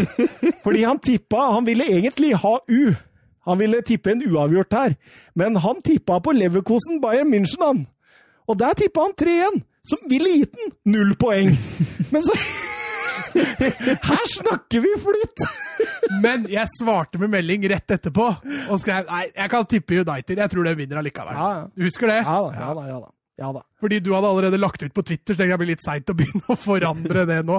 Når jeg tipper på feil kamp. Ja, for Twitter er ikke som Facebook. For at, eh, Twitter kan du ikke gå inn og redigere Nei, du må slette, i så fall. og Det er litt kjedelig. Eh, Bielsa eh, Sist et lag leda av Bielsa mm, som slapp inn seks mål i en kamp. Det var Newells Old Boys i 1992, da de tapte 0-6 over eh, San Lorenzo i Copa Libertadores. Da var Bielsa bare 60 år. Eh, Kombinert eh, expected goals mellom lagene i denne kampen er den høyeste expected goals i Premier League denne sesongen, hele 5,8 mål. Eh, Skal vi ta banens beste, Søren? Ja, jeg kan starte. Jeg har tre på Scott McTomney. Jeg syns han er banens store spiller. Han har skåret to mål sjøl, har én assist. Han er god i både det defensive og offensive spillet og gjør en uh, fenomenal kamp. Jeg har to på Bruno Fernandes, som får kose seg på sin lekegrind, da. det var sterkt når han får det rommet han får. Og så sto det litt mellom eh, Marcus Rashford og Rafinha, eh, hvem som fikk den siste, men jeg går da for Rafinha til tross for den dårlige starten med eh, stor andel i 1-0-målet. Han gjør en god offensiv kamp, han ender opp med to assist, og han får siste. poeng. Rafinha, Heter han Rafinha, eller heter han Rafael? Rafinha. Rafinha. Det er det du står på drakta hans, Søren. Men uh, Søren, bare for å Jeg har akkurat de tre samme, så da kan vi gå over til Mats. Ja, jeg har ikke det. Jeg vurderte Rafinha. Han var eneste. Jeg sier Rafinha. Jeg tror det er Rafael. Det er Er. Rafael? Nei, Rafael var han i Mönchenglattberg. Hva er det du snakker om nå? Jeg heter Det er jeg som er helt Ja, nå tror jeg Nå må du bare kutte før du eh, begynner med Mats. Nei, se her. Det står Rafael på Hæ? min Skal du se, Søren? Rafael, Ja, ja, ja. Rafael? Ja, man heter jo Rafinha. Ja han- vel, greit. Jeg Ja. gir meg, men det står Rafael her. Ja, ja, greit, da. Jeg gir min siste til Lindeløf, jeg. Ja, du gjør det. Ikke Jeg til gjør- Rafael? Jeg gir den ikke til Rafael. Ja, han heter Rafael uh, Diaz Beloli. Oi, Jo da. det er ikke noe Rafinha der i det Ja, hele tatt! det, er, det blir jo det samme som om du kaller den Ronaldinho og uh, Ronaldo de Assas Moreira, ja. Ja, ja, men du begynte jo Å nei, nå surrer du fælt og sånn. Ja, fordi jeg- han heter jo Rafinha. Det er det det står på Han heter jo Rafael! Ja, men det Hva, hva kaller men Hva kall- står i passet hans? Hva, Rafinha hva fordi kaller du Ronaldinho? Kaller hun uh... Moreires. Er ikke det han heter? Moreires? Hva er det, hva han heter? Ronaldo de Assas Moreira. Moreira var det. Var ikke langt unna det. Ja, men det er det du sier når du skal referere til Ja, Ronaldo. Moreira. Alle skjønner det. Ja, ja. Morella. Nei, jeg droppa Rafael, og så eh, tok jeg Lindeløf. Ja, du tok Lindeløf. Ja. Han skårte jo et mål og holdt nesten buret reint, så jeg skjønner det. Ja, og Rafael skåra jo nesten der. Det var nesten så han Han greide å score. assist, da. Ja, ja, det er jo nesten å skåre det. Det er deilig. Det er deilig. Lindeløf, Lindeløf greide å skåre, i hvert fall. Ja, han gjorde det. Du så det, fikk det kanskje ikke med deg. Du ble så opphengt av at Martial fikk målpoeng der, så Eh, noen få ord om Chelsea-Westham også. Ja, Chelsea starter jo, syns jeg, klart best. Har full kontroll i 20-25 minutter, går opp i ledelsen 1-0. Uh, og så kommer Westham seg bedre inn i kampen etter hvert. Løfter presset der, løfter Ja. liksom hele seg og Kampen og, står og vipper lenge. Ja, han gjør jo det. Han står jo og vipper egentlig fram til Chelsea får eh, 2-0 og 3-0 der. Jeg syns ikke den vipper så mye i første omgang. Jeg syns det er litt mer, fa med, mer snakk om faser. Jeg syns Chelsea er best i første halvdel av første omgang, og Westham er best i andre halvdel av første omgang. Men jeg er enig i at i andre omgang da vipper han, vipper han fint. Lenge skal vi frikjenne Werner? Åh, det, det, det, det er tungt for han, altså. Ja, det er det. Du så, du så det. Altså, det står jo Chelsea har vunnet kampen, eh, og så setter han i tverrligger, og så blir han så frustrert og så oppgitt. Det, ja. Og så får han litt kjeft òg, for han skyter istedenfor å spille et par ganger der. Mm. Eh, og når du da er, i tillegg ikke er i form, og så Ja. velger du i tillegg de feil Ja. avslutningene, da. Så det er klart, han er, eh, der går det kun på selvtillit. Men det er, du har sagt det flere ganger, når han begynner å score, det skal bli Ja. spennende å se. Det nettopp det, da hvis, kommer- han, hvis han får flyten. ja, jeg tror han trenger bare Ja, men han har jo et par mål. Han har jo Ja. 10-12 mål, eller mye han har scora. Jeg tror han trenger å komme inn i flytsonen, ja. Men han hadde den i tverra der på, i 88. minutt der. Du ser hvordan han synker sammen. Ja. Det, det, det er et press, vet du.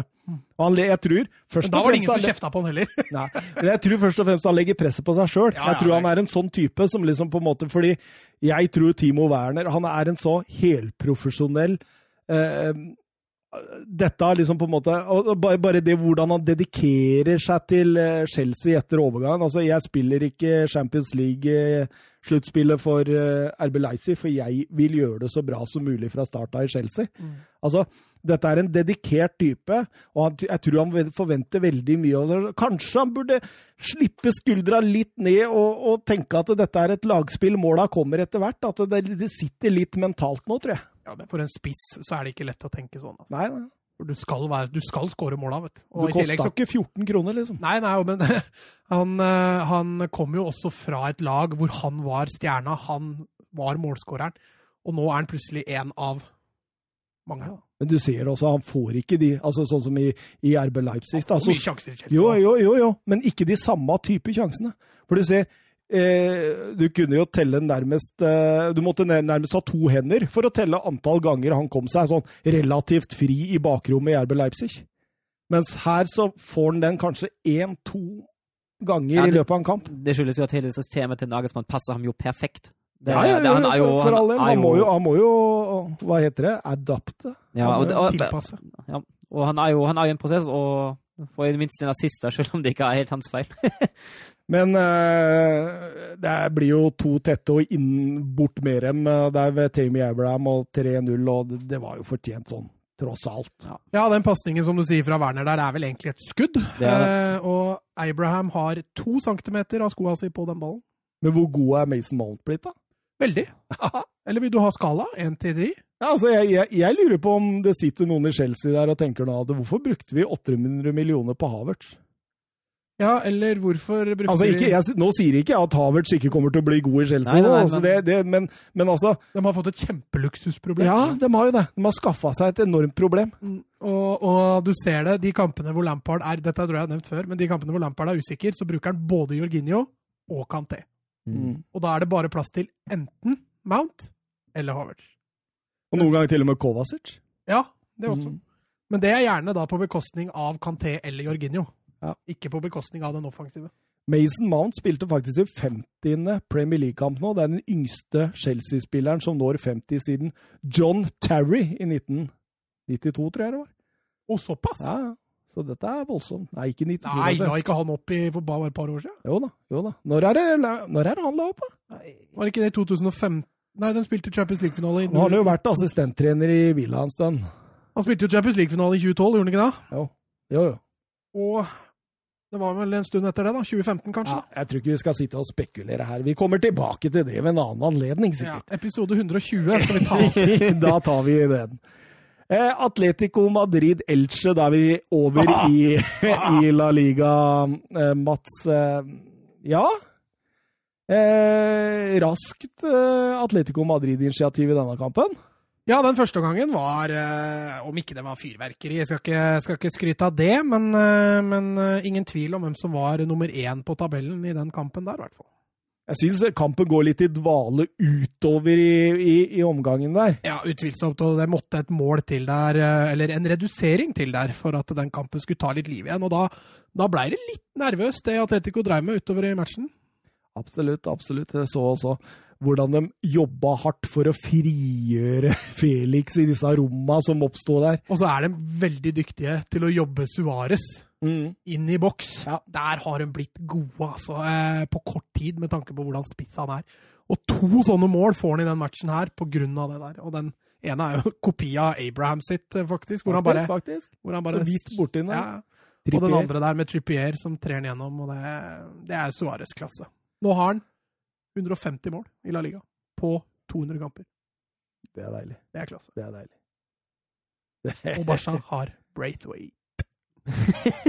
men, men, men dette snakker vi om, og snakka vi om før sesongen, at dette er det vi, vi kommer til å snakke om akkurat dette her. det, kanskje det som er så kjipt, er jo det at jeg var jo litt for å kvitte med Svares, fordi Ja. vi trenger en fornying. Ja. Men når den fornyinga er Braithwaite Ja. Åh, Nei, nei, Diego Costa. Ja, først skal vi ta den, eh, fordi Lukas Lucas Boye, han eh, setter jo inn 2-1 der, og, og eh, Atletico Madrid ser ut som nok en gang skal grinde ut 2-1, men så, så får de et straffespark, Søren. Ja, det, Costa går vel i bakken. Det er det man kan si. Ja, den er stygg. For et ordentlig oppi Ja. trynet der. Og altså Jeg skjønner ikke hvorfor det blir straffespark. Beklager. Jeg, har ikke forståelse for det i det hele tatt. At det da blir straffespark, det kan ikke jeg eh, skjønne med noe som helst. Det strider hele meg imot at det skulle bli straffe. Altså, Støvelen er jo høyt der, men det er vel det eneste argumentet man har for at det der er straffespark. Fordi du ser forsvarsspilleren stopper bevegelsen sin før, lenge før han når ansiktet til Costa. Og Diego Costa gjør det Diego Costa kan best, altså. Maks ut av situasjonen. Vebjørn Fredheim skriver på Twitter eh, mente virkelig VAR at Diego Costa fortjente straffespark fremfor gult kort i, på, for den filmingen. Det er det drøyeste jeg har sett på lenge.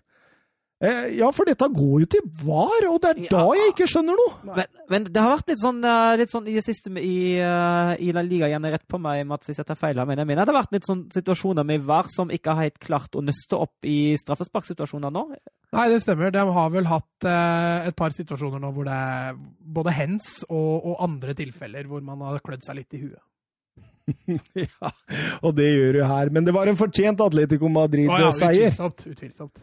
Ja, absolutt. Jeg syns det, og ehm, Og gøy, da. Altså, I gåseøyne gøy å ha Diego Costa tilbake igjen på skåringslista. Gir Diego Simione enda en streng til å spille på når de, når de trenger, litt, trenger et rasshøl på topp.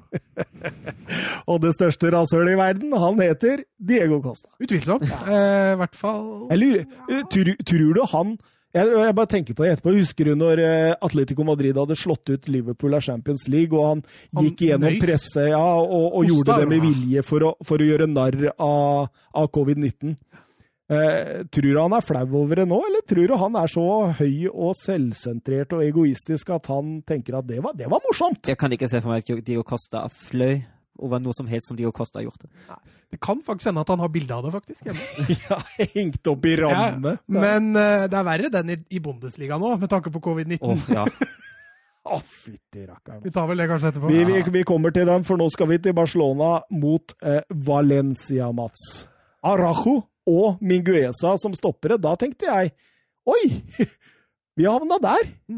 Og han har jo faktisk både Lenglet og Omtiti på benken. Så, Ja. Men, men Omtiti sliter jo med, med litt etterdønning på skader og sånn, så han, han var jo ikke klar til å spille 90, så den, den var vel for så vidt grei. Men at han velger å, å hvile Lenglet og heller kjøre to ja, Nå er ikke Arojo B-lagstopper lenger, men, men eh, nesten to B-lagstoppere, da. Eh, Det, det er litt eh, spesielt. Så syns jeg kampen starter nesten sånn skremmende labert fra begge lag. Det er liksom eh, Valencia i en 4-4-2, vi skal passe på Roma våre defensivt her. Og Altså, Barca har jo ekstremt mye ball. da. Ja. Eh, De prøver jo å presse Valencia bak på banen, men det mangler bevegelser, det mangler kreativitet. Det er ikke noe, det er ikke noe flyt eller sprut i dette offensivet til Barcelona. Og så er de, de er så sårbare på kontringer òg. De er så sårbare. Ja, absolutt. Men eh, 0-1, Søren. Diakabi, bursdagsbarnet, han får eh, gå opp alene på en corner fra Carlos Soler og, og stanger eh, ballen i mål. Grismann altså er, er det et genialt sperretrekk av Valencia, eller er det Grismann som rett og slett ikke følger med i timen? Jeg vil si at det er Grismann som ikke følger med i timen.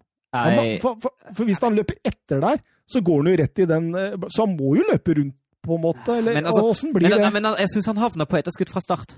Jeg syns det. Å Uh, stå høyere på ja, jeg Diakabi? syns det. Uh, jeg syns det, er mest, det går mest på Griezmann. Ja, Valencia gjør det, gjør det jo smart for all del, men uh, hvis Griezmann er 100% våken her og står 100% på, da tror jeg Diakabi skal få det vanskelig også. Altså, Diakabi har én fordel på fotballbanen. Han har én fordel på hele fotballbanen, og det er at han er god på huet. Og så setter du Griezmann Ja, det var mitt spørsmål til I- deg nå.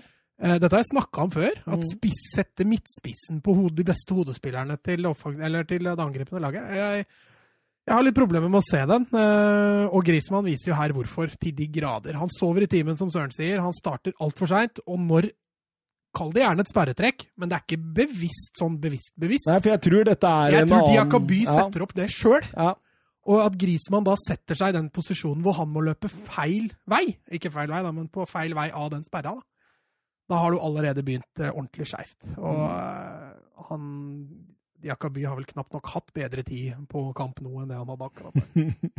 En annen som hadde ganske god tid eh, rett før pause, det var jo Maxi Gomez der. Han var aleine mot Ter Stegen, men Ter Stegen viser jo kanskje at han er Barcelonas beste spiller i denne kampen. Han synes han, Det han får, Mm. gjør han stort sett bra, og det han ikke slipper inn, det får han ikke gjort noe med, rett og slett. Nei, men Ter Stegen altså Han har jo hatt noen blemmer i år, han òg. Men, men eh, så fort han finner formen, så kommer han til å I fjor som, eller i år som i fjor kommer han til å gi en del poeng. altså.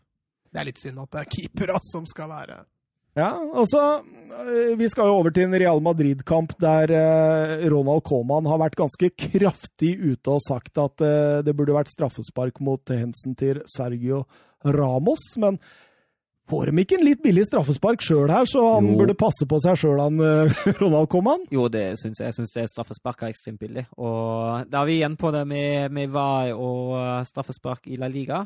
Eh, jeg hadde ikke blåst på den. Nei, for den det, det, Altså, du ser at uh, Grisemann vil ikke nå ballen. Og jeg tror den Altså, den kontakten mellom Gaia og Grisemann, den er, Er det kontakt, så er det så minimalt. Men du ser på, ut fra bildene, så er det lett å tolke at det er en liten dytt eller en liten kontakt på hælen eller et eller annet som gjør at han, han faller, og det, det lar dommeren seg lure av. Men det røde kortet han flekker opp så kjapt der, Mm. det lot jeg meg overraske over. Mm. Tenkte at eh, at han dømmer straffer der, det kan jeg forstå at han i gåseøyne lar seg lure til å gjøre. Men, men da tenker jeg, fordi da sitter en Gonzales Gonzales i VAR og sier til en Hernandez Hernandez du på banen Jeg syns det var moro! At det er mulig, liksom. Men så sier han at den må du sjekke. Og så da tenker jeg ok, da blir det faktisk ikke straffespark her, tenker jeg når han går ut på skjerm da. Men det er det røde kortet han sjekker. Ja, tydeligvis. Og det blir gult til Gaia. Ja, For å dømme rødt der, så må det jo være bevisst handling for å, for å hindre, hindre scoring. Eh, I form av sabotasje. Og det er tydeligvis den vurderingen han gjør når han gir det røde kortet, og så gjør han om den vurderinga når han ser det på VAR. Og det blir bare gult. Messi tar straffesparket. Messi bommer, men får den igjen på et eller annet. Hårfint onside når Alba gjør et horribelt valg, egentlig. Ja. Eh, å slå den tilbake inn der på Messi er vel egentlig noe av det siste du skal gjøre, fordi to mann er mellom han og, og Messi der. Der må Alba enten legge 45 ut eller skyte sjøl, spør du meg. Mm. Men eh, flaks gjør at den ballen ender opp hos Messi på bakerste, som ofrer litt lemmer der for å få den inn. Altså. Han gjør det. han gjør det. Han, øh, og da tangerer han Pelé. Mm. Det er litt artig, Søren. Ja. Altså, For Pelé han hadde 643 skåringer i alle turneringer for Santos. Og det har nå Lionel Messi for Barcelona. Det er, det er stort, Mats. Det er stort! Det er eh, relativt stor idrett når du ta, gjør det også for samme klubb, så er det Ta Lukk øya dine nå, og så, og så tenker du tilbake på de siste øh, Ja, hvor mange år er det? 15 år med Lionel Messi. Og så beskriv Lionel Messi for oss. Gjør det, vær så snill. Ja, nå tar du meg litt på senga her, men Ja, det er en fryktelig elegant fotballspiller med herlig balanse, herlig nærteknikk. En, en fotballgud, eh, ikke på sitt beste nå dessverre, men, men på sitt beste så var han Han var et flyvende teppe med ball. Han var eh, Altså, Mye av grunnen til at jeg fortsatt er forelska i fotball, selv om han ikke er på sitt beste, så gleder jeg meg alltid til å se på Messi. Jeg satt og så um, review på Barcelona-Manchester United eh, 2011. Åh, den er. Satt og så det med en, eh, en eh, brasilianer, faktisk, eh, i dag. Eh, så sa jeg det til henne at liksom Liker du, liker du Messi, eller siden du er vaskeekte brasilianer? Han bare Ja, ja. Ja, ja. Det er helt fantastisk. Jeg hater Neymar mer på den filminga. men, men selv brasilianere klarer han å imponere, Mats. Ja, og den 2011-finalen, den er jo ekstrem, da. Det er Messi på, på topp. Eh, med Barcelona på topp. Eh, den kampen er jo helt rå. Den kan du jo se om igjen og om igjen som Barca-fan eh, til du blir grønn i øya. Men eh, nei, Messi har, eh, har betydd overraskende mye for meg til at du blir så glad i han i såpass voksen alder. da. Én ting er å ha de der barnecrusha på, på de store spillerne, men når det betyr så mye for deg i voksen alder òg, da, så Du har oppkalt hunden din etter ham, til Ja, og det med. er det. Ja, ja. Bikkja mi er oppkalt etter han. Og det som er så rart, er at bikkja mi er livredd ballen. Han har ikke han Det er fuglehuden som er livredd fugl òg. Nei, han kan ikke forskjell på Nei, fugl. han kan ikke forskjell på fugl, det stemmer det. Han tar alt, han. Ja, Katt, hund, fugl. Ja, han tar ikke hund, det gjør han ikke. Men katt og, og linnæl og spurv og måke og alt går ned. Men Messi, der går alt ned stort sett der også. Men, eh, men, men Barcelona får jo 2-1 da, Mats, og det er jo et nydelig mål. Ja. Eh, Ronald Arojo viser noen eh, takter der han ikke har sett så mye han før. Han viser både, både timing og, og, og kroppsbeherskelse på, Zlatan-nivå, nesten. Mm. Der han kaster seg rundt og, og haltligger det brassesparket i, i lengste. Reagerer lynkjapt der når, når Grismann lar den ballen gå. Så det er jo rett og slett en klasseskåring. Absolutt, og Braithwaite kunne jo gjøre 3-1 rett etterpå der, men eh, Valgte å ikke gjøre det. valgte ikke gjøre det, og da, da blir det straffa en uruguayaner. uruguayaner. Ja, der er det mye feil som skjer i det Barcelona-forsvaret. Eh, Så, så ut av ingenting! Det ser ut som Barcelona bare kan Og så kommer han. Ja, og du ser jo Mingueza får vel kanskje den mest åpenbare feilen der ved at han ikke følger med når Gomez kommer inn bak ryggen på han. Og, og det er litt sånn juniorfeil. Du ser ikke van Dijk og de store stoppera gjør det der. Så du ser han rygger litt. Ja, han, han, han timer alt helt feil, og så er han ikke orientert på hva som skjer bak ryggen sin. og og det er litt sånn juniorfeil, eh, men du ser også det starter, eh, starter med Arojo, som feilberegner litt i klareringa si, og så, og så gjør Dest en for dårlig jobb én mot én mot Gaia. og så det, det, det forplanter seg og blir mye rart der, altså. Og Maxi Gomez han elsker å møte Barcelona. Dette var hans sjette mål i La Liga eh, mot Barcelona. På Eh, seks kamper. Så det er eh, nydelig. Han godeste caretaking-presidenten, han freda Koman bra Ja. Han har gjort det. Han har vel ikke så mye mandat til å gjøre så mye, så bare for å fremstå litt med makt, så, så er nok det det eneste lure. Eh, For eh, jeg er litt redd for at Koman eh, sitter ut denne sesongen uansett. altså. Anders Hansen spør oss på Twitter hvor mange overgangsvinduer og trenerskifter er Barcelona under, u, u, unna tidenes nedrykksskandale, Mats? Ja, nei, nå tror jeg du må slappe av litt, eh, Anders. Eh, vi, Barca ligger på Bare kjør, Anders! Barca Bare kjør, Anders! ligger på femteplass eh, med to kamper mindre spilt, så, så krise er ikke helt ennå. Men eh, jeg skjønner veldig godt hva han mener. Eh, Barca eier ikke nåla i veggen, og de har kjøpt mye ræl de siste åra og topper det hele med en Koman-ansettelse. Han tror jeg er ferdig til sommeren. Uansett hvem som blir president, så tror jeg Koman er ferdig. Eh, Så blir det selvfølgelig veldig spennende å se. Skulle de finne på å ansette noe tullball etter det, så, så kan det jo bli Rykke lenger ned i køen. Ja, Ender opp med å kjøpe Stryger Larsen og sånn, da kan det bli spennende. For jeg dukka over en diskusjon på et eller annet forum, tror jeg her, eh, med noen Barcelona-supportere. Eh, Jeg bare leste, jeg involverte meg ikke. Hvor det sto eh, de skulle nevne hvor mange Barcelona-spillere i dagens Barcelona-stall som man kan klassifisere som verdensklasse. Sånn en video med Rasmus Wold. Nei, Jo, nei, jeg skal ikke beskrive Du må se den. Den er jækla fin for han. er det litt av det samme, eller? Ja, det er litt sånn uh, Blir starstruck da av Mingueza og Arojo og Braithwaite og ja, han, Det er liksom mangel på stjerner i Barca. Uh, Ja, men hvor mange er verdensklasse? Jeg vil si to. Keeperen og Messi. Testing og Messi. Jeg Ja, trekker inn de Jong. Ja, de Jong greit, greit, eh, kan ja. du også trekke inn der. Eh, Med Piquet på sitt beste, og er jo det. Ja, men hvor lenge har ikke vært, Piqué vært på sitt beste? Ja, det er lenge siden. Jeg er enig. Men Malba Ja, Jeg syns Alba så fortsatt er bra. bra. Men, også, men det er liksom, de har så mye uforløst potensial der òg. Altså, Grismann er jo snart bare å selge han. Han er jo snart en kjempeflopp. Og Mm. Coutinho er en kjempeflopp. Mm. Eh, og så er det liksom disse unggutta, da. Pedri, Dest, eh, Ansu Men nå må du passe på at du ikke eh, vil selge disse igjen, da, for da kan det jo godt hende de mente flere dansker. Du var jo veldig klar på på slutten av fjorårssesongen at du ville selge Suárez, men akkurat nå så ville du vel gitt ganske mye penger for å beholde Suárez? Ja, for å bli kvitt Braithwaite, ja. Ja, ja. Men det er jo fordi du ser vi mangler den klare nieren. Ja. Uh, og Messi, som kanskje var tiltenkt å spille, eller Grismann, begge de to var kanskje tiltenkt den rollen, men begge to har vist at det er ikke den ideelle rollen, og det er litt av Komans svakheter òg. At han, han bruker jo spillere helt feil. Mm. Han bruker dem ikke i posisjoner hvor de er gode, eller hvor de presterer bra. Da. Og det, det er litt slitsomt å se på, og den klare nieren, den mangler. Plukk fra hvilken som helst Haaland. hylle. Haaland. Nei. Oi. Eh, ja, Mbappé eller Haaland. Ja. Si samme som skjer. Og Hinwright. Oi, right. Eh, Mbappé eller Haaland. Ikke Kane, altså. Å, Kane kunne vært uh, Han hadde passa som en nier, ja, der, han. hadde vært, uh, Problemet, da, som du ser med Barca sliter med, det er de dype løpene. Litt sånn som vi har vært inne på United med McTominay nå mot Ja. Leeds. De dype løpene til Barca, de, de er ganske fraværende. Og det har vi kritisert Frenkie, de Jong for før. Ja, men nå er det litt samme som også City. De spiller med to Mm. sittende. Du får ikke den siste frihet til å komme med disse dype løpa. Og, og det gjør at Messi spiller i roller hvor han, han får jo ikke tredd de ballene lenger. Det er lenge siden du har sett sånne geniale stikkere fra Messi, og det er fordi løpet er jo ikke der. Nei. Um, sånn at eh, en, en, en mer bevegelig spiss også, og der, der veit jeg det blir spennende å sette om Kane hadde passa inn. Eh, litt innom eh, Sevilla, Real eh, Valladolid også, fordi altså, jeg kjeda meg nok en gang glugg i hjel av vi- dette Sevilla-laget. Vi, altså, vi fikk jo, fikk jo litt igjen på den skåringa rett før slutt. Den, Absolutt. eh, absolutt. Carnero.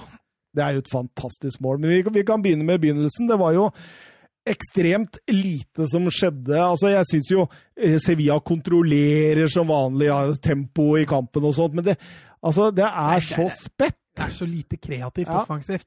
Og det er så mye som avhenger av Ocampos. Du ser når han får rettelen seg og satt fart på, da kan det bli litt artig. Ja, absolutt. Og det er jo også Ocampos som setter en eh, straffe i mål der etter eh, rundt halvtimen spilt. Eh, nok en gang så var- jeg litt sånn på altså, OK, jeg veit det er straffe, men bør det være det? Ja, men det er jo, det er jo regelen, jeg syns. Altså, Ja, som det er- regel, nei, er det straffe, som du sier. Det, Ja, men det, er- det irriterer meg litt òg. ja, jeg skjønner, jeg skjønner godt hva du mener. Men uh, Raúl Carneiro, han kommer jo tilbake for Ja, det der, Mats. Mm. Ja, det er klassetreff. Den får du ikke Ja, men han er vel borte i tverrleggeren. Ja, Og han er altså helt oppe i vinkelen. Ja, du får ikke med. Og den halvvolleyen der uh, utafor 16 er, uh, det er en nytelse å se på. Det er vel Kondé som vinner og stusser den bakover der. Uh, vi sier ikke så mye mer om den kampen der. Den var ganske kjedelig. og Det, det er liksom Sevilla 1-0, 1-1, 0-1. Det er det det går i. Det er litt Atletico Madrid. Ja, og så er, skal vi vel innom en spiller snart som er Sevilla-eiendom, som de kanskje bør uh, tenke litt på. Mm, mm. Vi rusler over til Eibar mot eh, Real Madrid. Det er et Eibar-lag som var kjent for å være ekstremt gode hjemme, men eh, sliter litt nå uten eh, publikum eh, på stadion. Ja, Kiki Garcia også uttalte vel det etter kampen. Blei Ble spurt, eh, ble spurt eh, hva som er feil med Eibar hjemme for tida. og Da, da sa han at eh, det var et savn av publikum der. og det, det tror jeg på. Den intime stadion der, den, eh, den lager leven, altså. Men eh, beskriv de første 20 minuttene av Real Madrid, da. Ja, det var fryktelig bra. Eh, Noe av det beste jeg har sett av Real Madrid på fryktelig fryktelig lenge. De spiller ikke Eibar bare ut av banen, men de spiller dem helt ut av landet. Eh, fullstendig. Og de er altså gode på ting du ikke har sett dem være så gode på før. Det er litt, det er litt Liverpool over dem. Mm. Det er et vanvittig tempo. De, de, de, varierer fra side til side, vender spill, trer opp gjennom midten. En Modric som herjer sentralt på midten. Altså, Eibar har ikke sjans! Benzema, Og som- Benzema på, på topp som strekker og, og lager trøbbel eh, hele veien. Og de først tenkte hvis dette holder, så, så blir dette 10-0. Altså. ja, det var voldsomt der. Det, og de kunne gjort både 3 og 4-0 der. Eh, Benzema hadde jo en voldsom sjanse der. og og, og de kom jo ofte altså, Det var to ganger i første omgang. De kom med fire mot to der, altså. Så det, det var enorme muligheter. Ja, og Eivar presser jo ganske høyt. De presser jo høyt gjennom hele kampen. Og når Real Madrid først får spilt av, så er det store presset, er det høye presset der. Da blir det Og det gjør de så bra i første omgang. Mm. Hvordan, ikke bare at de har et fast mønster, men de varierer på måten de spiller av presset. og det er Vanskelig for Eibar å, å, å, å finne noe motmedisin for det. og De blir spilt altså lave gang på gang på gang. Men så skårer jo denne Kiki Garcia, og, og det, det, da er det et eller annet som skjer at jeg tenker nå er faktisk Real Madrid tilbake igjen der de var for fem, seks, sju kamper siden. Ja, vi kan jo dvele litt ved det målet, da. Er vel eh, altså i sterk, i sterk konkurranse fra den Valladolid-skåringen, selvfølgelig. Ja, Hvem er best, Søren? Eh, Gå for den Valladolid-skåringa.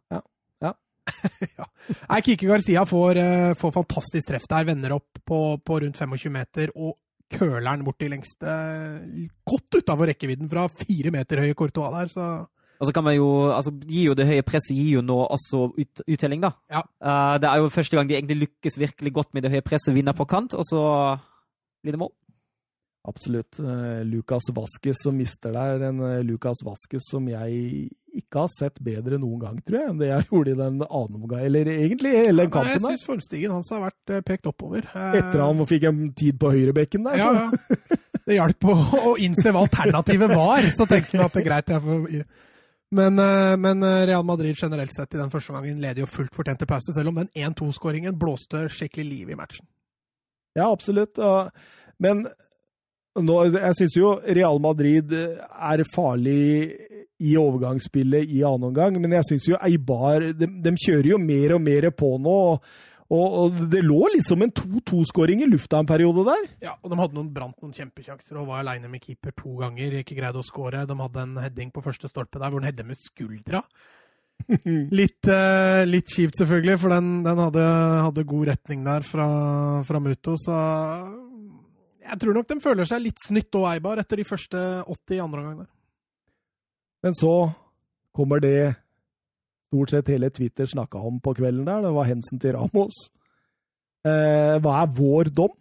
Altså, Med tanke på hva som har blitt dømt hens tidligere, uh, over hele linja i alle ligaer, jeg syns egentlig det er rart at den slipper unna. Uh, som, som, du var inne på på den forrige kampen. Uh, det er litt deilig at den slipper unna, med tanke på at det skal jo kanskje ikke nødvendigvis være hens, men med tanke på regelverket nå syns jeg det er rart. Ja, det er litt rart med tanke på hva det har blitt dømt på tidligere, men jeg også satt der og tenkte Hva får Ramos gjort der, da? Nei, altså, det er jo en meter, og han Men det er jo mange sånne situasjoner. Mm. Tenk jeg... på Dyer mot Newcastle. Altså, jeg... ja, ikke sant? Ikke sant? Dyer mot Newcastle i det 93. minutt, liksom. Blir dømt straffe på noe som er mye verre enn dette. Men jeg er jo ikke Real Madrid-supporter, og jeg satt jo ikke der og følte at uh, dette var uh, skandale, liksom. Så jeg tenkte jo at uh, det var greit. Mm. Selv, om, selv om jeg har sett det har blitt blåst på langt verre enn dette, ja. Koman, han var ikke fornøyd, eller? Han fikk jo spørsmål om det på pressekonferansen, da, så han svarte jo bare for seg, han. ja. Eh, og så er det jo Lucas Vasques som setter 1-3 mot slutten der, da. Da har jo Eibar tømt seg defensivt, omtrent. Ja, han kommer skrått aleine med keeper der og, og setter den trygt i hjørnet. Dmitrovic, som hadde en veldig varierende kamp. Eh, fra det helt fantastiske redninger. Han redder jo to ganger aleine der, og så går han plutselig er han ute på 20 meter og kommer ikke først på ballen. det var litt sånn varierende kamp fra, fra Dmitrovic, som vi har skrytt litt av før. Dette var den femte Real Madrid-seieren på rad. Det var fire i La Liga nå, én i Champions League ikke lenge siden det så dødt ut og man uh, diskuterte Zinedine Zidane, Søren? Ja, det, jeg husker vi gjorde det, men uh... Ja, og så var jo dette en sånn liten prøvelse for dem, fordi Real Madrid har vært gode med kniven på strupen i år. De har mm. slått Barcelona, de har, eh, de har slo Inter når de trengte det som mest. Og så nå da de siste kampene hvor de har møtt Atletico, Gladbach eh, åh, Hvem var siste? Atletic Bilbao. Mm. Uh, og nå hadde de litt kniven på strupen, i forhold til at for nå skulle du møte et båndlag, og det er ja. der de har slitt i. Cádiz og Alaves og Valencia og etc. Så at de klarte å slå tilbake med en seier her nå, det, det var sterkt. Ja, og da er tiden eh, kommet for litt eh, Bundesliga, Søren. Og vi skal over til et spørsmål til deg først, vi, Søren. Ja, så hyggelig. Ja da, ja da. Det er godeste Jørn Henland på Twitter eh, som spør Vil det være et sjokk om Schalke rykker ned basert på historie etc., eller er det mer opplest og vedtatt at det skjer, og det blir mer likegyldighet nå? Det kommer an på hvem du spør. Uh, altså Schalke er jo, som han er inne på, den nest største fotballklubben i Tyskland. Det er bare Bayern som har flere medlemmer. Dortmund har rundt 1000 færre enn Schalke.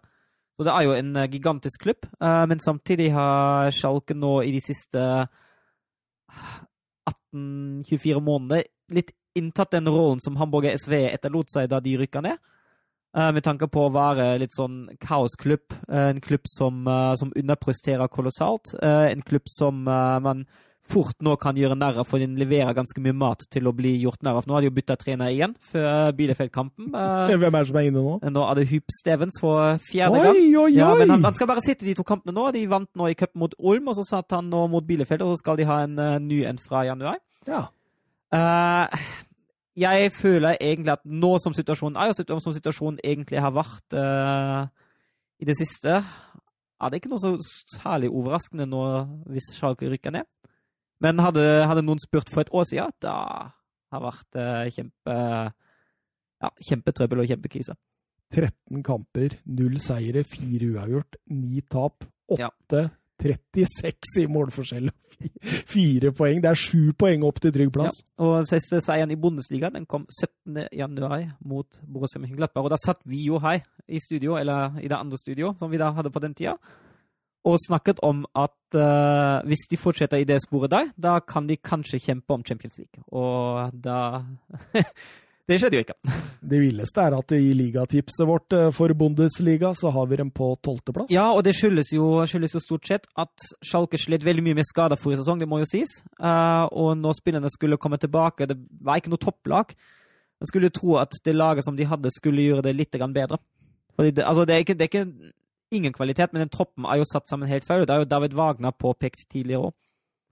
Hvor lenge er det til de mister uh tar den rekorden på To, to kamper til, så er de like. Nei Det er 29 uten uh, Tasmania Berlin, nei. Berlin ja. De er 29 uten seier nå, og i Tasmania da skjelves det i Berlin. ja, for de vil ha den rekorden. De vil ha den rekorden, den er god publicity. Ja, og så spør han også tror eh, Søren på noen store overganger inn og ut av Bundesliga i januar. Nei, det, ikke i januar. Det, det gjør jeg ikke. Ja, men ut, da? Nei, ikke det heller. Kanskje? Uh, nei, ikke i januar. Det kan Skal vi vedde en øl, eller? Ja. en til! Vi får jo ikke aldri tatt den pga. koronagreiene, ja, så er det, her er det bare å vedde øl. Ja, ja, ja. ja jeg vedder litt en øl at Sancho blir i januar. Jeg tror United tar en Fernandes og henter han helt på slutten av januar. OK, da holder jeg imot ved en øl. Double ja, Der var du kvikk, ass. Ja. Det var dårlig tegn. Nei, jeg kan ikke se det for meg. Altså, Bundesliga-klubbene selger som regel altså, Få unntak, men det er gjerne spillere som har falt litt i unåde fra før.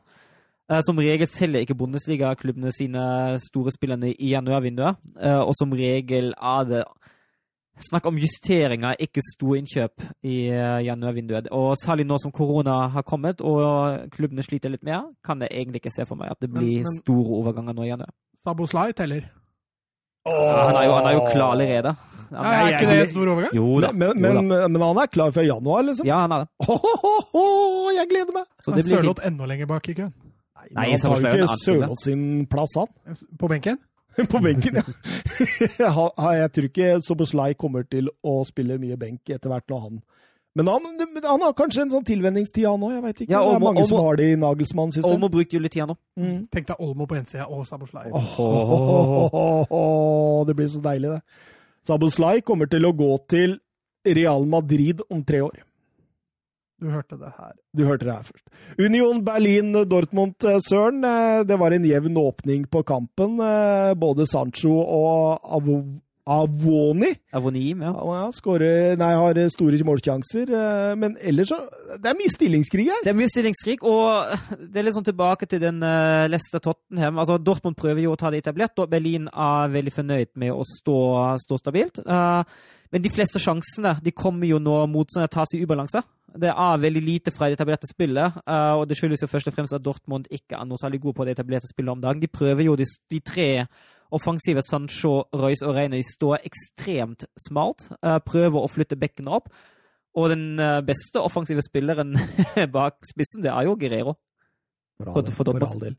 Ser du hvordan han går inn sentralt og trer baller inn. Ja, det er helt sykt. Det er nydelig. Men al altså, de tre, de, de, den trerekka bak spissen, den er det ikke mye å skryte av. Den er tam. Hvilken venstrebekk er eh, best offensiv i verden? Er det Theo Hernandez? Er det Guerreiro i Dortmund? Eller er det Robertson i Liverpool? Jeg glemte Davies, kanskje? Fire! Fire! Fire! OK. Ja, det er en tøff konkurranse, det er deg. Ja. Tok du Jordi Alba? Ja, han er, han er ikke best offensivt. Da. Jeg vil, jeg vil si... Han er i hvert fall ikke best defensivt. altså, det kommer jo, kommer litt an på, på spillestilen uh, og på Nei, men nå må du bare svare, svar et navn, altså. Det første jeg, jeg, som skyter inn. Jeg går, jeg går for Theo Hernandez, ja. Åh, Mats. Første som skyter deg inn. Ja, Alfonso Davis. Oi, oi, oi. Jeg går faktisk for uh, Robertson. Ja. Mm. Ja, jeg gjør det for Robertsen. Fair enough. Åh, tre forskjellige! Det er deilig. Ja, det er deilig. Men, men, min mann holder ut mye lenger enn deres. ja, det spørs da, hvis han blir skada og knekt, sånn som han blei tidligere. Men, eh, men, men, ja, over ja. til kampen. Ja, jeg syns det var en jevn første omgang, som du har vært inne på. og Mye stillingskrig, lite ubalanse. Men hvis, altså, hvis Avoni er litt mer, eh, litt mer effektivt hadde, Vi har jo snakka om ham i Bayern-kampen òg og at ikke han skårer på noen av de situasjonene han får mot Bayern eller Dortmund, det er jo ganske drøyt. Liverpool-eiendom, er det ikke det? Ja, han har det. Og han skårer til slutt, da, men han skårer ikke på en overgang. Og Mokoko banker han i stolpen Åh, rett før ja. pause der. Eh, men eh, jeg syns jo Union åpner best i annen omgang. Det syns jeg òg. Eh, fram til, til 1-0 er Union det klart beste laget. Mm. Eh, så blir det jo igjen en dødball baklengs. og det er litt sånn når, de, når Dortmund altså Dortmund sliter nå med to ting defensivt. Det ene er de overgangene, og det blir veldig tydelig mot Stuttgart. Det blir jo også tydelig nå mot Union Berlin, fordi Union får jo en god del overgangsmuligheter uten å utnytte det. Og det andre at vi er tilbake uh, det vi snakka om for et år siden, at de er dårlige til å forsvare seg på dødball. Og det blir veldig tydelig i den kampen her. Det er skjebnen til Dortmund her, det. Ja. Fordi eh, det misser på markering i egen boks, og det er vel eh, Reina på 1-0, og det er vel Shanen og Akanyi som eh, gjør det på 2-1. Men vi må snakke litt 1-1-mål og Yusufa Mokoko, for det er eh, Historisk øyeblikk. historisk øyeblikk. Ja, det er stort. 16, eh, 16 år og 28 dager. Det er, Og det er ikke noe tap-in. det er ikke noe tap-in. Det, er- det er en nydelig avslutning. Hvem er det som er nummer to på den lista? Det er Eh, ja, det er, det er jo Wirtz. Hvem er nummer tre? Det er Shine. Og hvem er nummer fire? Det husker jeg ikke. Det, Timo Werner! Ja. Sitter du med Google-dokument foran deg? eller? Nei, men det er mulig jeg tar feil. Mulig Werner er nummer fem. Det skal ikke, jeg skal ikke være Det er ikke så lenge siden jeg så den lista, men det er mulig jeg glemmer det. Mosiala et sted der òg. Ja, kanskje han er nummer fem, da. Ja, han er Nei, da hadde jeg, jeg lagt merke til det. Ja. Um, hum, Hummels forferdelig sinna etter kampen. Jeg, kan jo, jeg kan jo skjønne det. Altså, det må jo føles utrolig tøft for Dortmund, og de er så langt Altså, de har jo På sitt beste spiller de utrolig morsom fotball, og nå er de så langt unna. Så den beste perioden Dortmund har i kampen, kommer jo mellom eh, mellom 1-1 og 2-1. Uh, Men jeg syns de mangler mye. Ja, jeg syns også det. Jeg syns det. Jeg syns det.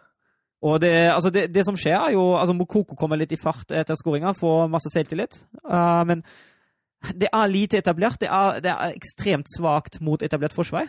Uh, som, som jeg har vært inne på, de, alle de tre bak Mokoko har en fryktelig tung dag, og det er ikke første gang. Og det er, det er lite samspill, og det går egentlig mest på, på et genialt øyeblikk fra Guerrero, eller litt på overganger. Jonathan Hobber han har lagt merke til at jeg kalte Terzic for eh, snowboarder. For nå spør han på Twitter hva skjer i Dortmund da? Sende snowboarderen til Alpene for å spille inn uh, alpin-movie? Eller hente Pochettino nå med en gang? Ja, altså Terzic eh, sa jo etter kampen sjøl at uh, vi beveget ikke ballen fort nok, og beveget heller ikke oss godt nok. Og i tillegg kommer altså Terzic, som vil gå på gegenpressing, som vil stå høyt i banen. Og så blir det høye presset som Dortmund har, så tafatt. Så lite effektivt. De vinner jo nesten aldri ballen høyt. Og der sliter du. Og så kommer Haaland tilbake i januar, og så er alt løst. Ja, så, altså, så det- blir han geniforklart, denne snowboarderen fra Erklært. Hva sa jeg? Forklart? Forklart. Men altså, det er jo Men er ikke noe som heter det? en, en energi. Han er energiforklart! energiforklart! Men så er det jo vanskelig for ham altså det, man, man, man, Genierklært, er det det heter, er det ikke? Genierklært. Ja. Søren prøver! Ja, Søren er det redder ikke situasjonen. Nei, men altså, altså er det jo vanskelig for ham. De hadde, han tok over etter Favre på, på søndag, og så hadde de kamp på tirsdag, og så hadde de kamp igjen på fredag. De får ikke trent mye med laget da, altså. Nei. Men, uh... Så, men, men altså, jeg syns jo de alternativene som eh, Jonathan nevner her, er jo, er jo gode alternativer. Uh, kanskje heller March enn uh, Hasenhyttel. ja, for det, det, det var det Ragnhild er nisse, nisselue som dro på den i kommentarfeltet. At han ville ha Haselutl eller March. Ja, oh, ja, sånn, det var det, ja. Pochettino var Ja, Hobbers Poch sitt ja, eh, ja, Pochettino er jo en god idé, da, for all del. Men Tror du Pochettino Han hadde tatt den? Tror du ikke det? At han hadde tatt den? Jobben? Tror du det? Jeg veit ikke. jeg vet ikke. Det er derfor jeg spør deg. Nei, jeg veit ikke. Hva kan ringe den. Altså, Men altså, det er, jo, det er jo klart det er jo gode alternativer, og det ryktes jo også sterkt eh, at Dortmund ønsker seg Marco Rose fra Mönchenglattberg. Jeg tror heller på den. Der også er det rykte på at det allerede er en avtale. Mm, det kan tenkes også, kan det godt tenkes at eh, Rose har en utkjøpsklausul. Borussia München-Glabach, Hoffenheim eh, Ja, Håvard. Nordtveit fra start. Ja, morsomt det. Ja, jeg syns han klarer seg bra òg. Ja, jeg synes det. altså Særlig den ene situasjonen da mot, uh, mot Embolo, hvor han presser Embolo ut og får ham til å avslutte fra ugunstig vinkel. Det er sterkt forsvarsspill. Ja, absolutt. absolutt. Jeg syns det var en artig kamp. Det bølga, og det var, det var morsomt, rett og slett. det er jo to lag som, eh, som presser høyt. Det er to lag som ønsker å angripe. Det er to lag som ønsker å være offensive, og da blir det det er ett lag i forferdelig form. Ja, Gladbach de må komme seg, altså, ellers så går dette Champions League-toget rimelig kjapt. Ja, det går fort òg, det. Det går unna, det nå. Ja, ja, absolutt. Men, eh, men, men jeg fikk litt sånn litt mini-Manchester United-Leeds-følelse over denne kampen. her, Ja. For det var mye tut og kjør. Det var mye tut og kjør, og særlig Mönchengladbach får ekstremt mye rom på overgangene. Og den er de til dels dårlige til å utnytte, særlig Brill Embolo. Herregud. Mm. Altså, at han, den, den han har der, har jeg rett før, rett før Ja. 1-0, den må han sette. Der. Ja, Men, men jeg tenker på, nå har vi snakka om Tom Davies og vi har snakka om Aurier, og så kan vi jo snakke litt om Geiger òg. Ja, det er, jo, det, er, altså det er jo like idiotisk, egentlig, fordi Turam han går jo fra grunnlinja parallelt med boksen. Han er jo på vei ut av boksen her nå. Og så feller, stiller Geiger bein på ham. Altså, Turam søker jo kontakten her nå, for all del, men er dumt. Ja, det er dumt, og Stindl setter 1-0 der, sender Baumann feil vei. Og, og det er pauseresultatet. og eh, Jeg syns Hoffenheim går bra ut i, i annen omgang. Jeg syns eh, Borussia München-Glabark virker mer sånn å, vi skal bare kjøre overganger nå, vi Ja. skal ikke holde ball. Ja, og det, det er akkurat det, fordi altså, det, det reagerte litt på. Eh, Det kan jo hende at det har noe med det fysiske nivået å gjøre etter veldig mange kamper på veldig kort tid, men Marco Rose reagerte også på det. at vi skal, altså Han sa etter kampen vi, når vi leder 1-0, skal vi bare forvalte.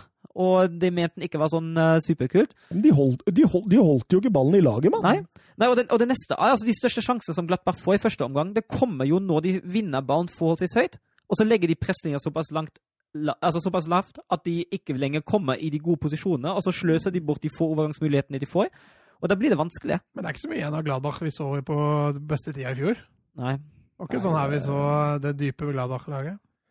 Nei, jeg det det er et eller annet der nå, og spesielt i det Altså, om det er balanse eller hva det er, jeg er litt usikker, men, eh, men det, det er åpenbart at de sliter litt. Eh, Jeg, jeg har tenkt på den der som du var inne på, Søren, med litt sånn Champions League-bakerus, rett og slett. Det, det, er, det, er, det er vel ikke så ofte at uh, de har karra seg gjennom hele gruppespillet i Champions League og, og, Nei, men og du, skal så- spille Bundesliga samtidig. nei, og du, du, men du så det jo også at eh, den, kampen mot, den bortekampen mot Real Madrid, der det står om absolutt alt, den er fryktelig, fryktelig svak i Champions League av Mönchengladbach.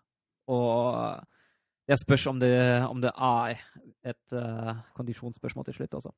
De begynner å bli slitne, rett og slett. Ja, jeg lurer på det. Altså, I hvert fall i andre omgang, at de, at de legger seg såpass mye ned i andre omgang og ikke kjører det høye presset som de har i 90 minutter. Det tyder litt på at de, at de rett og slett ikke makter fysisk. Kramaric eh, setter 1-1 et kvarter før slutt etter et nydelig forarbeid av innbytter Bebo, og da spør Glenn Weber oss på Twitter Tyram fikk fem kamper for spytting, hva syns dere om straffen? For her kommer jo en eh, liten situasjon, Søren. Ja, og den er, jo, den er jo drøy. Den er jo fryktelig drøy at Tyram rett og slett spytter på motspiller Porsche. Uh, dommer går ut på skjermen og tar vei og er veldig fort oppe med det røde kortet, som er helt riktig. Eh, hvorfor Porsche får gul til slutt, det aner jeg ikke. Det, Det er lov å reagere når du blir spytta i ja, trynet. Ja, jeg skjønner ikke hvor, det gule kortet Ja, ja, fra. men det er ikke lov å bli spytta på. Det er jo fortjent å få det gule kortet. Blir du spytta på, så er det gult kort. Ja, det er jo altså Da har du ikke fulgt retningslinjene til FHI, holdt jeg på å si.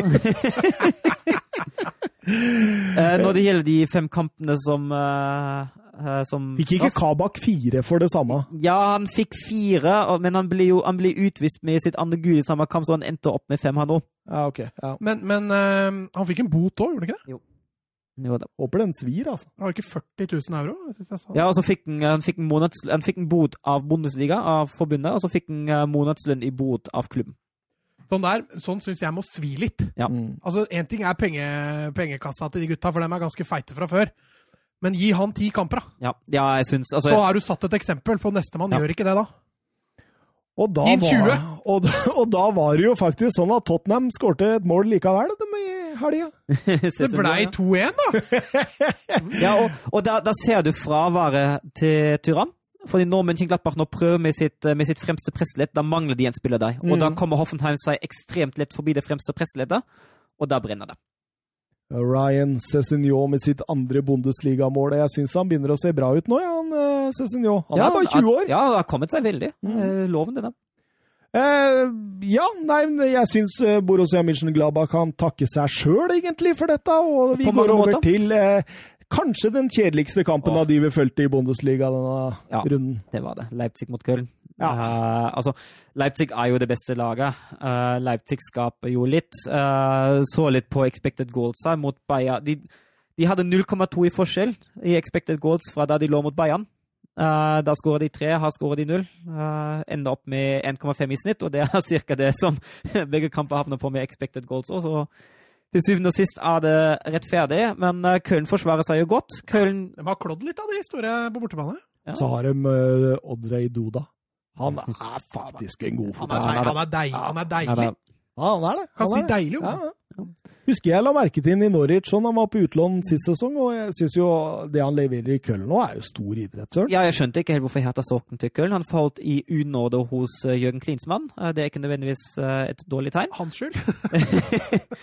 Og så kom tilbake fra Norwich, og så trodde jeg uh, virkelig at han skulle få en sjanse under Bruno Labadia, fordi han liker jo egentlig uh, litt sånn sånne spillertyper der. Men uh, det blir solgt til, til Köln. Skal vi dra på oss nisselua og si at Sørloth gjorde et helt OK innbytte? Jeg syns han Ja, jeg syns det. Uh, kom jo inn i en situasjon der altså, Du ser det litt på den innbyttergreia der, at uh, Poulsen har ikke en god førsteomgang, og så byttes han ut, og så kommer det Olmo og Forsbekk, så han prøver, altså, Nagelsmann prøver seg litt spillemessig.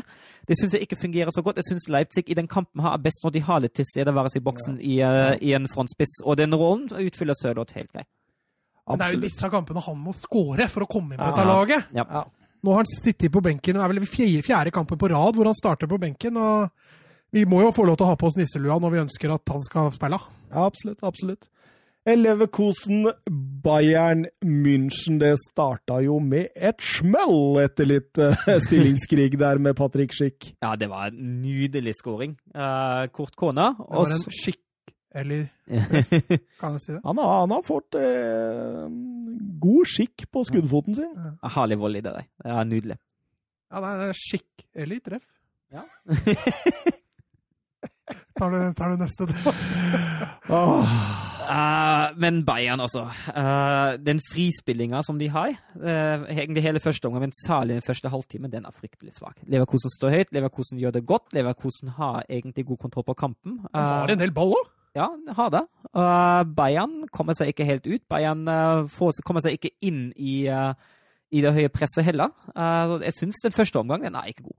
Men det er forskjell på Kimmich og Goretzka, skråstrek Tolisso og eh, Alaba. Alaba. Det er det, altså. Oh, ja, det er det. Ja. Ja, men du ser Ja, den blir pre Det de er- prega akkurat det der. For det, det er to viktige balanse. Altså det, det, er, Ja. det, er murs, det er hjørnesteiner i laget da, som er borte. Du ser, du ser det er en helt annen flyt i Bayern eh, når Kimmich ikke spiller. Når du i tillegg tar bort eh, motoren. Og hvis Leverkusen hadde vært litt mer presise fordi det blir, en stor, det blir stor strekk i bein, fordi Bayern prøver jo som vanlig å stå høyt. Bayern får det ikke til å, å sette Leverkusen under skikkelig press. Så Leverkusen, Skikkelig. så Leverkusen kommer seg jo ut, og Leverkusen kommer seg eh, i det rommet. Og som du har vært inne på, eh, de balanserende midtbanespillerne de er ikke på samme nivå som de pleier å være. Så det blir en del rom foran den forsvarsfireren. Men, Og men, der syns jeg Leverkusen utnytter det litt dårlig. men når du først da verken har eh, Goretzka eller Kimmich, hvorfor får ikke Musiala sjansen? Jeg syns han har vært Mm, fantastisk Mm, ja. jeg. Tenker det, jeg òg. Det er bedre med han enn Tolisso, i Ja, hvert fall. til. Mm. Men jeg lurer på om, eh, om Flick uh, ville være litt forsiktig mot Liverpool. Ja, ja, det kan godt hende. For den forsvarsrekka er jo ikke super satt sammen, den heller, med Nei. Syle på høyrebekken og Fernandes inn som Ja, og det, det, det så du. Det så du. Hvis Diaby hadde, hadde tatt bedre valg, Mm. hadde fort blitt uh, krise da òg. Men Bayern har noe som svært, svært få fotballklubber har. De har Lewandowski. en Lewandowski. Ja, men altså, den, Men den Leverkosen har ta. Ja. Og Tapsoba, det er jo tross alt han som starter det hele med å spille bort ballen her. Rett på Sule, og så kommer det innlegget. Og så er det, altså det er jo Første målet det er jo Tapsoba som spiller den bort, og så er det Radetski som kommer ut der og blir hindra av ta av egen mann. Eh, Jeg har sagt det før, og jeg sier det igjen. Tapsoba, altså det, han er så. Altså, når jeg hører folk anbefaler han til store klubber i, i Premier League og La Liga, liksom, på Twitter og sånn, jeg, jeg orker ikke å ta diskusjonen en gang igjen, men det, det, det blir jo som å kjøpe Davidson Sanchez. Det er så uryddig. Det er uryddig. Altså, jeg er helt enig i at det, kvaliteten på stopperen, altså hva han kan bli på sikt, og, og de på en måte fysiske egenskapene og det, og det talentet, det ligger der. Jeg er helt enig, jeg. Men han er jo ikke ferdig på om tre, fire, fem, og han blir, han blir forsvarer av svaret på Inyaki Williams, liksom. Eh, hvis du måtte tatt en Upamecano eller Tapsova Upamecano. Ja, ok. Ja, ja. garantert. Altså mer, flere mil foran Tapsova. Ok. Nei, altså, jeg fatter ikke. Og, ja. men, men som sagt, vi, vi, vi rusler videre, fordi vi har, vi, vi er, vi har runda godt og to timer, og vi skal lage et lag også. Oi, shit, ja. ja uh, og så er det jo Jeg syns jo det var hvordan gjør det også greit i andre omgang, uh, men det- det virker som om de er veldig fornøyde med 1-1, da. Det Mm. virker som om de syns at uavgjort her, det er helt greit. Og så angriper de ikke med siste konsekvens. Og som sagt, Salih Diaby kunne ha fått mye mer ut av det rommet han får. Men de valgene han tar, det er jo altfor dårlig. Og han blir så sur etter hvert, for han får ikke ballen. Og Ja, de gangene han har ballen, så bare Det, det er ikke rart at de kan få, ja. Men, men, men bytter Flikk om til Trebekk-system her? Jeg syns delvis gjør han det. Ja. Uh, altså, Ja, sånn delvis, ja. Det er det jeg Ja. mener. At jeg, jeg, jeg klarte aldri å fange helt opp. Nei, det, altså, han, han bygger jo opp i Trebekk-sida som vanlig. Eh, og- frigjør det Alonso Davies. ja, og så så defensivt Alonso Davies. Alfonso, ja. Men, og defensivt ser det ut som at når, de, når Leverkosen har ballen, at han vil støtte uh, Mm. Sule etter hvert. At han vil, uh, vil få litt mer fart uh, ved siden av Sule, fordi han så at det der var et truet område mot Diaby. Ja, ja. Så kommer Kimmich inn, da. Det er jo, det er jo Og så blir, uh, eh, blir eh, Sanni bytta inn og bytta ut igjen. Det Han var ikke happy. Nei, men han var, han var fryktelig svak, altså. Herregud. Det er, Det er, det er ikke Sané vi så i City i glansdagene, dette. Nei, og i Bayern, der tror jeg de ikke er fremmede for å flekke deg av den banen hvis ikke du gjør en jobb. Altså. Husker dere Andros Stoneson når han slo igjennom i Tottenham og, og engelske landslaget, hvor han bare herja på kanten i halvannen sesong? Så fikk han den der brutale skaden. Kom seg aldri tilbake. Dro til Crystal Palace og har vært en helt OK Premier League-spiller. Mm. Eh, Kan det skje det samme med Sané nå? det kan, og så er det jo det, det hører jo med at han har, har hatt en lengre skade i Bayern nå. Ja, ja. Og han, var, han startet jo bra, og så kommer den skaden, og siden har han ikke vært helt seg sjøl. Men en som er seg sjøl, det er Robert Lewandowski. Jonathan han- Tato, det du skulle si. ja. Å, favoritten til Mats, han gir Bayern Og tar. München. Og tar. Det var fælt i navneordspill du skulle ha i dag, ja. Og da skårer Lewandowski sitt 17. mål på 12 kamper. Erling Braut Haaland har, ti, har 10 mål som nummer to. Det, det, nå må du jobbe, Erling. Er vanskelig det, fra sykehuset. Eller Dubai, da, som han egentlig er. Koser seg, han. han koser seg. oi, oi, oi, oi. oi. Det, vet du hva? Dette var sjuende kampen denne sesongen Bayern München kommer under med unngår tap. Ja, og det er jo sterkt. Det er veldig sterkt. Ja, det er ikke mange klubber i Europa som har den moralen. I hvert fall ikke Arsenal. Wolfsburg, eh, Stuttgart 1-0. Ja, det var jo fryktelig dårlige nyheter før kampen for Wolfsburg. Eh, hele den sentrale midtbanen ut. Uh, og Arnold bekreftet med korona, og Slager, Philip og unge uh, identifisert som nærkontakter. Så Arnold og Roussillon måtte i, måtte i isolasjon, og de andre tre i karantene. Og da måtte det ombyggingsarbeidet til. Starta med ni mann, eller da? Nei. Men uh, Bartosz Bielek får sitt første start ved siden av uh, Wout Wechos. Som, som en sånn falsk nier? Ja, noe ish, da. Så han Ja. faller jo litt tilbake. Han blir litt sånn andrespissen rundt ham, vil jeg si, Ja, egentlig. jeg synes det, Ja. synes det. Jeg lurer på om de hadde tjent på snudden, egentlig. Ja, egentlig, ja. Ja. Med tanke på styrkene til de to spillerne er jeg helt enig. Uh, og så starta Gilevogi og Gerhard sentralt, og Saleh Gerhard gjør en strålende fotballkamp. Det er mange i det Wolfsburg-laget her som gjør en bra førsteomgang spesielt. Ja, Det er jeg helt enig i. Den første omgangen er god. Uh, litt heldig i den situasjonen med uh, Bako etter ti minutter. ja, ja. Blir fryktelig uh, Men det blei visst nytt for et straffespark der òg, ble de ikke det? ja, Etter 30 minutter? Nei, det ble slutt for scoring, ville vi. Ja, det var kanskje det. Ja, altså Gerhard stanger jo inn, og så er det en duell mellom Bialek og en eh, Stuttgart-spiller rett før, og Mm. da blåser han av en eller annen grunn. Og det er jo Jeg syns jo det var mindre enn eh, enn det han ikke blåser straffe for Stuttgart for. Så han er ikke helt konsekvent her. Men nøkkelen i denne kampen det var jo å stoppe Silas Fundu og Kolobali, og det gjorde de jo til egentlig til gangs. Ja, unntatt den første, første Men de, de var veldig flinke til å ta ut kontring. Altså, altså, de, de ble startende så langt tilbake, men så fikk Ja. så lang vei opp. Ja, det er jeg enig i. Uh, men uh, så snart Silas kom seg, i, uh, kom seg i en duell med Otavio, da vant han som regel. Og da, da blir det trøbbel. Så de duellene altså, klarer ikke helt å unngå det i 90 minutter heller. Det er vanskelig. Men eh, i det store og hele syns jeg gegenpressingen fungerer, god, fungerer godt. For får fungere godt. godt. Ser godt.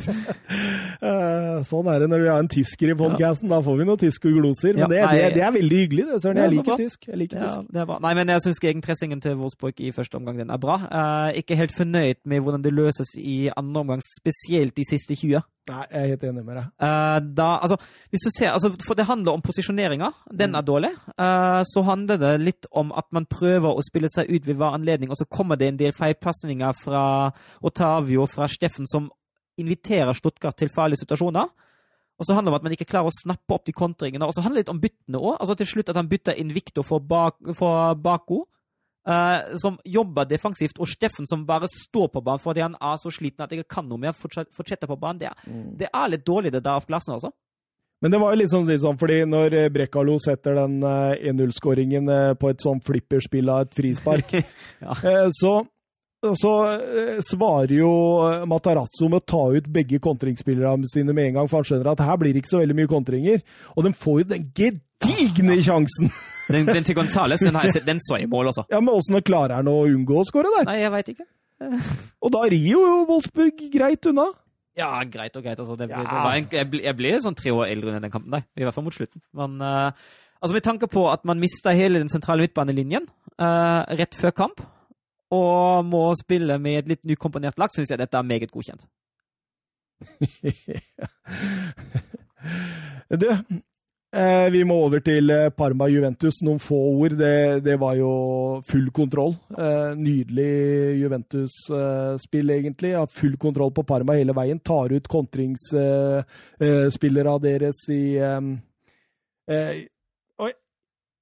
Det, det morsomste ved kampen, da, syns jeg, det er jo noe han roper han kommentatoren eh, når, eh, når de holder på å få den 1-0-skåringa si. Kuka! Eh, Ja, den, ja! ja. Stemmer. Da flira jeg litt. Da kosa deg. Eh, Buffon hang med, og, og det blei jo en grei seier til Juventus til slutt, blei det ikke da? Ja, det var jo Vinner 4-0, så er det som regel greit. Den uh, Høydepunktet var vel når Ronaldo steig til værs der, og Kulusevski skåra mot gamle kompiser. ja. litt den suvereniteten som Juventus mangler litt i det siste, syns jeg. Vi må bare kjappe oss, vi altså. Inter Spezia 2-1. Eh, Vi får nesten ikke tid til italiensk for tida, for vi snakker så mye. Ja, men det er hyggelig, det. Eller ikke hyggelig at vi ikke har tid til italiensk, da, men hyggelig at vi snakker. Uh, Inter sjette seier på rad i serien, Ja. Eh, men jeg syns fortsatt det er litt humpete, altså. Eh, Humpete, ja. Ja. Det, det er så varierende. Ja. Altså, det er nesten Altså, jeg trodde at Conte skulle få eh, stabilisert dette litt mer enn det han har klart. Mm. Det er liksom, det er sånn, og nå syns jeg de driver og, og vinner liksom litt sånn også, Det er så marginalt, uansett om det er Spezia eller om det er eh, Napoli, liksom. Det er, det er så marginalt. Altså, altså er det litt, litt genialitet òg. Den enutskåringen er jo klasse. Den er jo helt nydelig. Ja, det er faktisk eh, hans fjerde mål, Hakimi. Ja, men jeg tenker altså på hele laget. da. Altså, den, hele den oppbygginga fram til, eh, til Hakimi får den og parkerer motspilleren der, det er godt gjort. Mm, absolutt, absolutt. Og Inter vinner jo 2-1 etter at eh, Romelu Lukaku setter en straffe eh, etter 68 minutter, er det vel, og Piccoli. Har du Kuka og Piccoli? Dette er moro. Kuka og pikk. og så har vi den siste kampen vi snakker om, det er Sassolo Milan. Og, og der blei det en historisk Altså, dette er vel Europas tidligste scoring noen gang? Det, Etter hva ja, jeg forsto? det kan godt tenkes, ja. Men det var måten de gjorde det på. Ja. Ikke bare kelk og så løp etter. De, de spilte seg faktisk Ja, men- igjennom! Men altså Han tar jo bare med seg Ja, ball. han bare løper. jeg vil, jeg vil jo si at hvis, eh, hvis Sassolo ikke hadde vært på banen, hadde resultatet vært akkurat det samme. Det er jo så fryktelig passivt, det forsvarsspillet der, hvis du vil kalle det for forsvarsspill. Ja, ja, Du mener at Milan kunne spilt uten motstander? Ja. ja, ja. Det blir nesten litt sånn når Lillestrøm skåra mot Brann etter at han uh, Ja. Gjelde Ja, Det var bare én spiller på det Brannlaget omtrent som ikke ja, litt keeperen. keeperen, ja. Eh, Salamakers etter 2-0 etter en nydelig kontring der. Eh, nice oppfatta av Tonali der når han er i offside, men likevel Stopper, ja. ja. Og Theo Hernandez han form, stormer jo fram som en Formel 1-bil oppover venstresida der, og 45 ut til Salamakers som setter 2-0. Og, og det, det hadde blitt en, var en behagelig reise for Milan der i første omgang. Ja. Eh, men i annen omgang så Sasolo presser eh, Milan uh, umiddelbart, og syns han Hauge begynner å dale litt nå, kom inn der. Ja, også, han er litt sånn i samme båten som Sørloth nå, føler jeg. Eh, men han har jo prestert når han har fått Ja. prøve seg tidligere. Men de siste innhoppa har vært litt, litt anonyme. Han har vel et langskudd i den kampen her som, som er bra, men eh, Altså, Zlatan er ute nå. Leao er flytta fram som spiss, eh, men allikevel så er Brahim Diaz foran han i køen. Eh, om det er alarmerende så tidlig, det, det, det syns jeg vi ikke skal si noe på ennå, men eh, Hvor mye skryt i Milan der. han gjør det. Eh, lært seg italiensk har han gjort, og det fikk han jo kjempemye skryt av Twitter på, i hvert fall. Man fikk ikke skryt av Donnaroma i, i muren der, når Nei, Det var noe annet han fikk. Kommentatoren òg, de engelske på Stride der, de var ganske oppgitt over at han var så feig som snudde seg der. Det er jo egentlig han som gjør at Donnaroma blir satt helt ut, men, men det holder likevel til, eh, til eh, tre poeng, og Milan stormer videre. Vi, vi fikk noen spørsmål på Twitter her. Ja, vi, dette, vi må ta dette laget litt raskt, egentlig, fordi vi begynner å nærme oss eh, en tid som det nesten går an å bli litt flau over, men vi, vi syns jo dette er gøy, da. Eh, Hvor flau? Ja. Nei, jeg blir ikke flau, men Koser meg, jeg, altså. ja, skal vi, skal vi bare kjøre en sånn der ah, 24-timers? Ta et par kamper til fra Serie A. Ta et par kamper til. Jeg skulle gjerne hatt litt tid, lengre tid til Serie A, men det får være. Det får være. Eh, på Twitter eh, så har vi fått eh, Vi har fått et oppdrag fra Sander Midtstuen og, og delvis også Anders Karlsen. De skriver 'Kult, det U21-laget sist episode tar dere Hva er det? Ingenting. Hva er det du lo av? Du sa Anders Karlsen? Var det ikke det? Nei, het han uh... Ja, men han spør jo Jeg, jeg, jeg slår jo de to spørsmålene heter han- han heter Han, han heter Hansen. Oh. Du, Geir Halvor Kleiva Ja, men jeg er programleder. Jeg sitter ja, ja. Du kan godt ta spørsmål, var, du. det var derfor jeg sa, bare smilte, og så sa jeg ingenting. Det var du som hang deg opp i det nå. Ta over programlederrollen. Jeg, vi, Jeg- vi prøvde var, jo Men altså, jeg må få lov å smile når det skjer noe morsomt. Jeg hang meg jo ikke opp men i det. du det kan heller som si det til meg face to face enn stå og baksnakke. med deg. bare tuller. Bare tuller. slapp av. dere. Du gjør en kjempejobb, Thomas. Vi, Nei, nei, nå, nå blir eh, rollen min diskutert på Twitter òg. Den vil ha Du, er, du er under review vet du, hele tiden. Mats Berge fra Fotballuka skulle inn her og sånt. Ja, ja, ta over. Vi har en mikrofon ledig, Mats. Jeg veit du hører på. um, hadde blitt Mats og Mats, da. Det har vært litt Ja, slitsomt. Ja. Men eh, Sander skriver kult det U21-laget dere hadde sist episode. Tar dere også en over 34? Og eh, Anders Hansen Han eh, spør eh, Vil gjerne høre deres eh, elver av spillere født senest 86. Og ville dette laget rundspilt Arsenal? Og, og det blir litt av det samme spørsmålet. Eh, noen spillere til og fra, men når vi eh, begynner å nærme oss tre og en, nei, to og en halv time, så, så må vi slå de to sammen. Og vi har kommet fram til ganske bra lag, syns jeg i hvert fall. Har vi det? Var ikke jeg med i den diskusjonen? Nei, Å, vi er ferdige nå. Å, dere er ferdige, det ble eh, Manuel Neuer i mål. Ja, men jeg, Nå så du! Nå så du! jeg, jeg er med på den. Eh, Jeg har Noyer, jeg òg. Du har Neuer, du Ja, jeg har flere, jeg har flere, da. Ja, kom igjen. Jeg har Keylor Navas, har jeg. Mm. Og så er Kasper Schmeichel. Nei, flere, da. Jeg- Buffon? Buffon er jo en, selvfølgelig. Handanovic. Andanovic. Men, men når du har en som Noyer, Søren, så er det noe diskusjon da? Nei, det blir noe, ja. Det er jeg helt enig i. Så Noyer i mål. Eh, Høyrebekka. Ja, jeg, der har jeg Antonio Valencia. Oi! Oi. Oi! Det er mulig jeg har oversett noe. Altså, jeg, Jeg jeg, har- har ikke brukt så mye tid på dette. Jeg endte på Jesus Navas, ja. Oi! Hvem mente du var på? Dani Alves. Å, ja. Altså, Dani Alves han spiller i Sao Paulo nå. Han har 19 kamper i Sao Paulo, ett mål og to assist, og de topper tabellen i Brasil nå. Så. Nei, Jeg kan være med på den. Jeg må innrømme at jeg Nei, det er ikke så vanskelig å få med meg på en gammel Barca-spiller. Over, så jeg overså ham litt, det må jeg da alene med. jeg, jeg blir med på den. Jeg hadde også uh, Pisjek i Ja, Pisjek var i vurderinga. mm. Og, og, så, og så la jeg, jeg la merke til Antonio Valencia og Bakari Sagna. Jeg òg. de to har, de er faktisk klubbløse. Nice. Mm, så der kan Lillestrøm bare- hente en høyrebekk. De trenger en høyrebekk. Ja, ja, ja. Nei, men uh, Dani Alves? Ja, helt Hæ? altså. Ja, Milner, ja. Nei, men han er lenger oppe i banen. I, i Jeg veit ikke om jeg har den. Nei, jeg, jeg, jeg med han i vurdering høyere opp. Men, men det er liksom sånn, som jeg snakka om til Søren her, jeg kommer til å ta liksom, det, det er ikke nødvendigvis at de er så fantastiske i dag, men jeg tar et navn, da. Det, der er jeg litt uenig med deg. Å? For det er jo nå de må være gode. De skal jo spille mot Arsenal. Ja, ok. Ja, men vi, vi tar ut et lag som, altså, som slår Arsenal. Det gjør Ja. vi. Ja, ja. Du kan ikke ikke ta en, en bra høyrebekk som spiller tredjediv bare fordi han var god for fem år siden. Ja, hvis han heter Daniel Alves. Ja, men han spiller heller ikke i tredjediv. Nei, men vi, vi, eh, vi er enige om Alves? Ja. ja. I hvert fall Mats. Ja. ja. Du er glad i han? Det er litt kjipt at Hva, jeg hva, ikke- hva er beste øyeblikket ditt med Daniel Alves?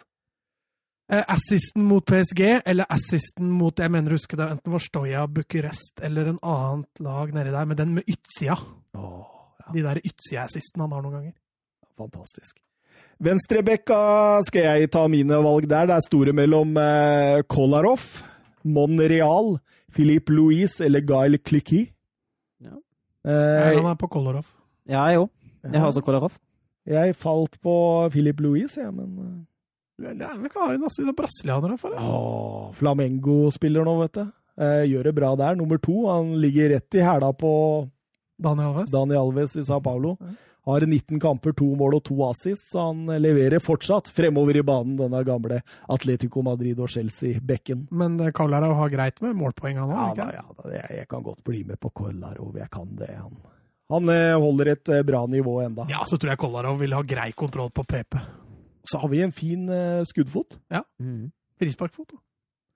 Eh, stoppere. Ja, da var det jo mye å ta av. Ja, det var det. Eh, det, var det. Altså, det, er- det er jo fantastiske navn. Det er jo Cellini, Godin, Felipe, Ramos, Thiago Silva Ja. Det er jo én som i hvert fall blinker seg ut ja, det, altså, Ram Ramos, Ramos, er jo den første. Det er jo, Frode, Kippe? Ramos er den første som vi har satt opp. Eh, og så parer jeg ham personlig med Thiago Silva. Parer du en person? Da får, da får hun god sommer! Som, som har liksom feministiske Sergio trekk Silva får du, da! Eller Tiago Ramos. Ja, det er bedre. Tiago Åh, Ramos. Tiago Ramos. og Litt sånn feministisk i ansiktstrekk. Sånn. Litt sånn shemale. Har du ikke det, Joey Parks?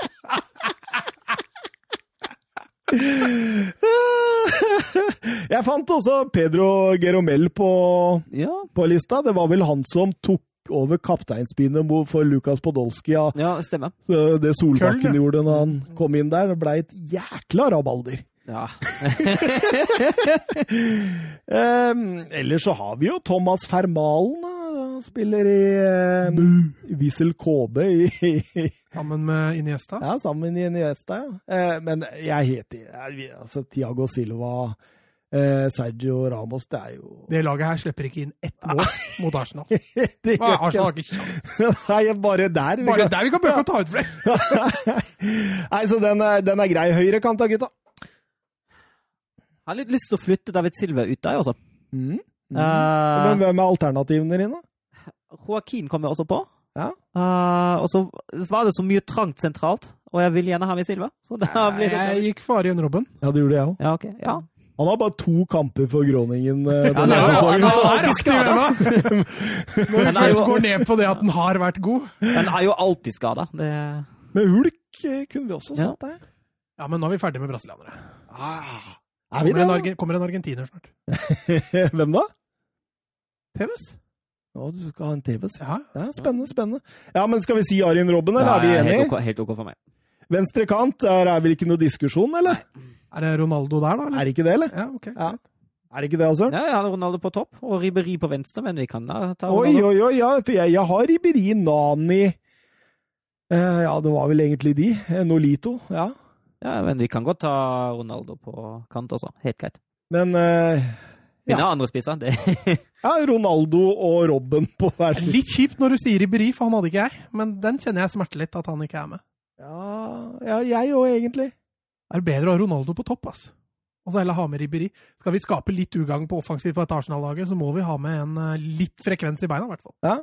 Og litt kreativitet. Ja, du, du, overtaler meg til Ribberi. Ja, jeg, jeg, jeg hadde Ribberi fra så jeg tar den med. Ja, da kjører jeg Ribberi. Digger Ribberi. Ribbi, da, Da har får vi jo robberi! Herlig. Å, det er fantastisk! Å, så deilig. At de faktisk de holder koken enda, eller kanskje ikke Robben da, med to kamper i år, men på sentral midt, da. Ja, da var det jo Lander på Modric, i hvert fall. Ja, Han Modric, eh, vi ikke definitivt. utenom. Um, Og så står det jo litt for meg mellom Iniesta og David Silva. Det står ikke i det hele tatt mellom noen av dem. Det er Iniesta, det er ikke noe Ja. Er det det, altså? Det er det. Ja, altså, Hæ? Med tanke på nivået Ja, som har vært Men eh, det, ja, men det, det, det var jo der Mats ikke Mats, Jo, jo, men nå gikk jo jeg med på Robben og greier! ja, det, Han har to men- kamper i år! Gikk med på, du hadde den jo. Du snakker jo Nei, mot deg. Du vingler, vingler som en japansk nei. ja, altså, Nei, vi, vet du hva? Iniesta står her med store bokstaver, så det, det går ikke. ja, Da ofrer jeg heller Modric. altså, jeg, Skal vi ikke ha David Silva inn på dette laget her? Er altså, han, hvis, har han vært bedre enn Iniesta? Ikke har vært, men han er Kanskje, bedre akkurat er nå. Men når, når var sist du så Iniesta spille? Live? Han spiller i Wissel KB, mann. Ja, ja. Ja. Men han er en fotballgud. Han er tett oppunder Messi og Maradona. Der er ikke David Silva, altså. Åssen rangerer du Savi Iniesta? Sånn som Nei, i motsatt av hva du sa. Iniesta og Savi? Mm. Åh, Ja. Selv om han ligner på El Memid? ja, men der også, altså Nei, nei det må bli Iniesta. Nei, vi, altså, jeg er med på en gjest, altså. det er helt greit for meg. Jeg kommer ikke til å gi meg. på. Hanken, ass. Jeg Da vil ha- ofrer Modric. Nei, det kan vi ikke. Det kan vi ikke. Må ha han tidligere Tottenham inn der. Ja, ellers har jeg Casorla, da. Ja, det, det blir nesten dumt å disse. Ja, jeg, jeg har Motinho. Han også, i, i dagens form, så kunne jo han vært diskutert inn der. Jeg vurderte Milner også, som sagt. Ja, Veloso i Hellas Verona gjør det bra der. Eh, Fernandinho, ja. i City. Eh, så det er jo nok av gode Jo, men men over balanse, det har vi dritt i på disse laga før, så det er ikke så farlig. Nei, nei, nei. nei. Vi så vi fikk litt tyn for det på Ja. U21-laget. Var det litt tyn og tyn? Vi sier jo klart ifra her at vi Men eh, ja, jeg skjønner jo det. For de som forstår seg på fotball og ser det U21-laget vårt, med Kai Havert som, eh, som eh, sittende, da Det blir i hvert fall mellomrom. Nei, da ble det Iniesta Modric. da. Ja, greit. Greit. Jeg gir meg. Eh, angrep. Da blir det Ronaldo på den ene, i hvert fall. Det må det jo bli. Og så har jeg Zlatan på den andre. Herregud. Ja, verre nå. Nei, han hadde ikke jeg det hele tatt. Du hadde Nei, da er det det. greit. Da er jeg ferdig. Da blir det ikke TVs. Da får jeg gi meg på den. Men, men spisser så var en god del. Ja. Altså Falcao. Dzeko? Ja. ja. Ja, Checo Giro. Eh, Jorente der. Eh, Fred, gamle Lyon-Fred. Jeg syns han var nydelig i Lyon. Eh, Christian Stuani. ja, Neg Negredo. Gomis. Husker du han Ja. eh, tigeren? Ja. Eh, Nydelig. eh, Jermaine Defoe. Skårer fortsatt mål i Rangers, 39 år. Ja.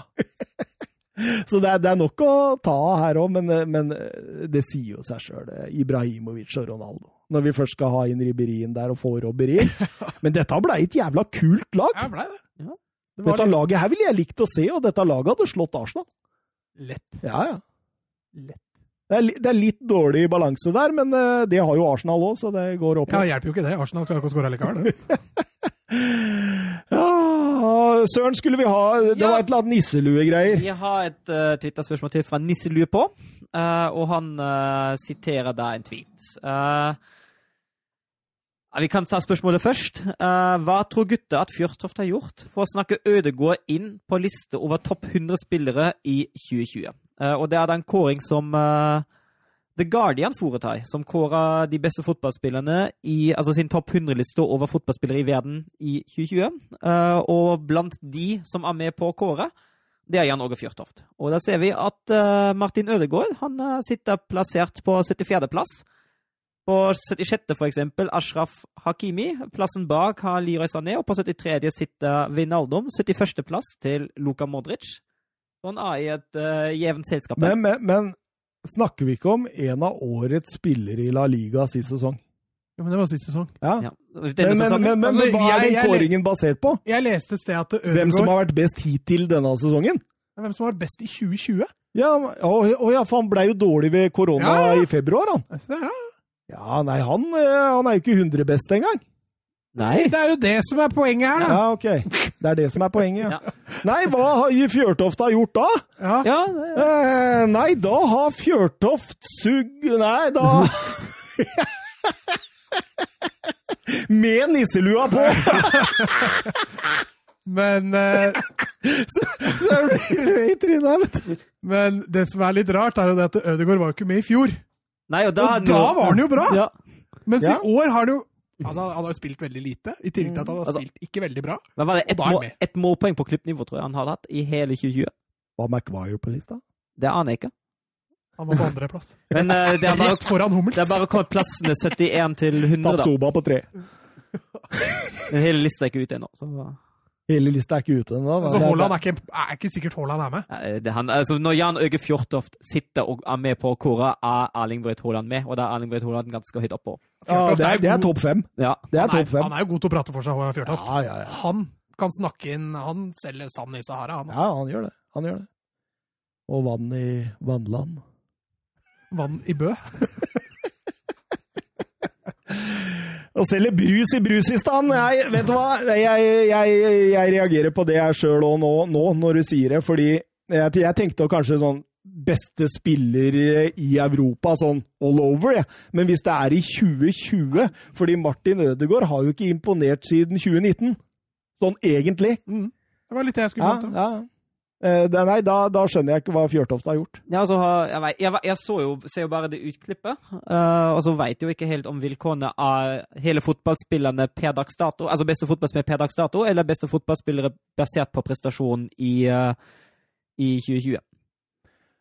Vet du hva, vi må ta Dette her er kan eh, Det kan være historiens siste. Mest sannsynlig.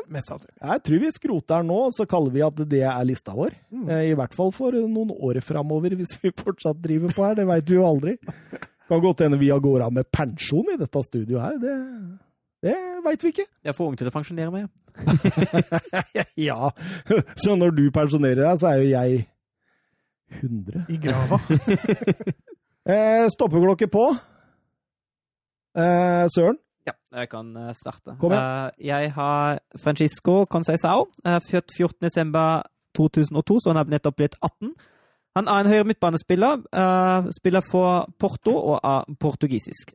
Han har vært i eh, Sporting og Padrosense uh, før han kom til Porto i 2018. Han har spilt tolv kamper, eh, to mål og én assist for Porto B på portugisisk andre nivå. Og han spiller landskamper for aldersbestemte lag, og sist U18. Og han er da en uh, inside forward. Han har venstrebeint, og han er kjapp, teknisk, driblesterk og har god ballkontroll. Uh, men han må jobbe en del med det fysiske. Deilig, deilig. Mats? Ja, jeg avslutter med en brasilianer ved navn Caio Jorge. Han er født 24.1.2002. Det betyr at han snart blir 19 år. Eh, spiller relativt fast på Santos allerede denne sesongen. Så har han notert seg for 21 kamper i Serie A i, eh, i Brasil, samt ni kamper i Libertadores i um, Champions Leagues svar på i, i Sør-Amerika. Sju mål og én assist på disse kampene, så allerede begynt å få et navn.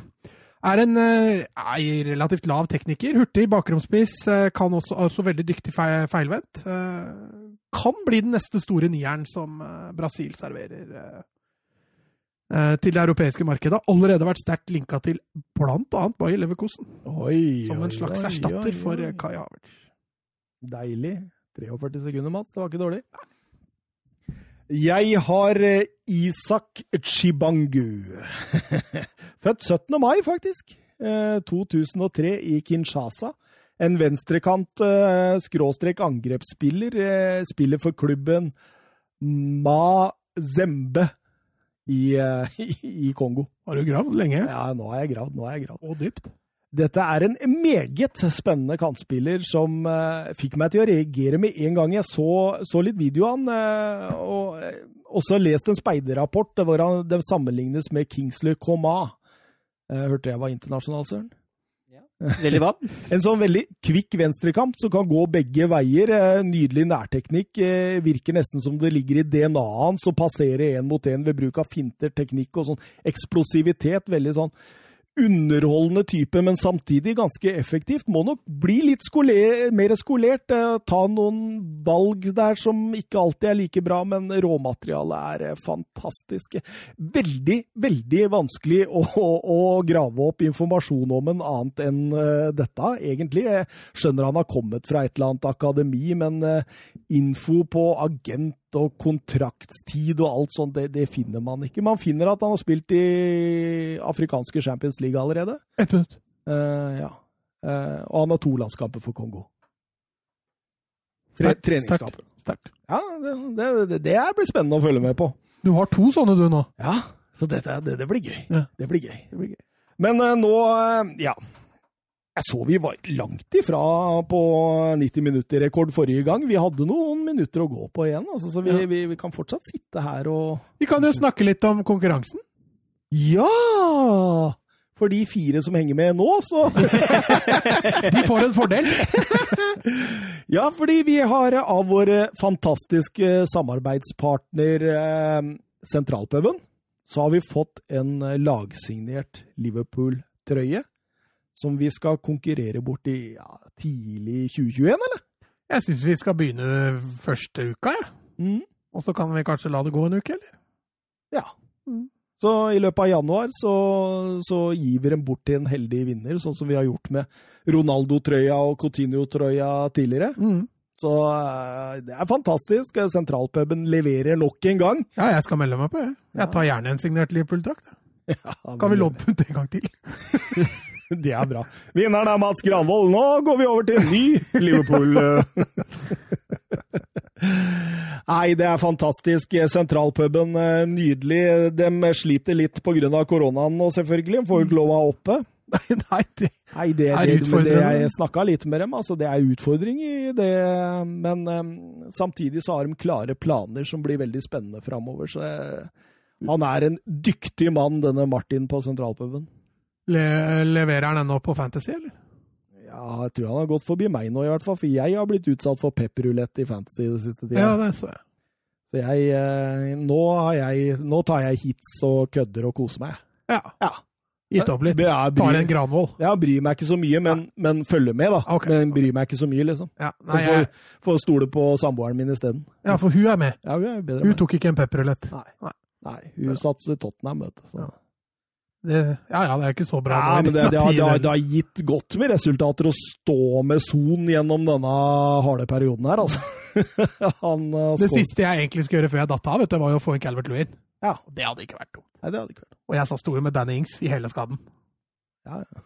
Du, du, du er virkelig på nett. Ja, henger med. Nei, vi eh, takker for oss, og så sier vi at vi kommer tilbake i romjula. Ja, god jul! Ja, god, jul. god jul til alle lyttere der hjemme, og eh, takk for engasjement og alt mulig sånn. Men vi skal ikke ønske godt nyttår ennå, fordi eh, som sagt, vi holder romjulspod, i motsetning til veldig mange andre podcaster. Deilig, ass. Ja, ja, ja, ja, ja, ja. Ha det bra og god jul! Kos dere på julaften. Adjø. Ha det.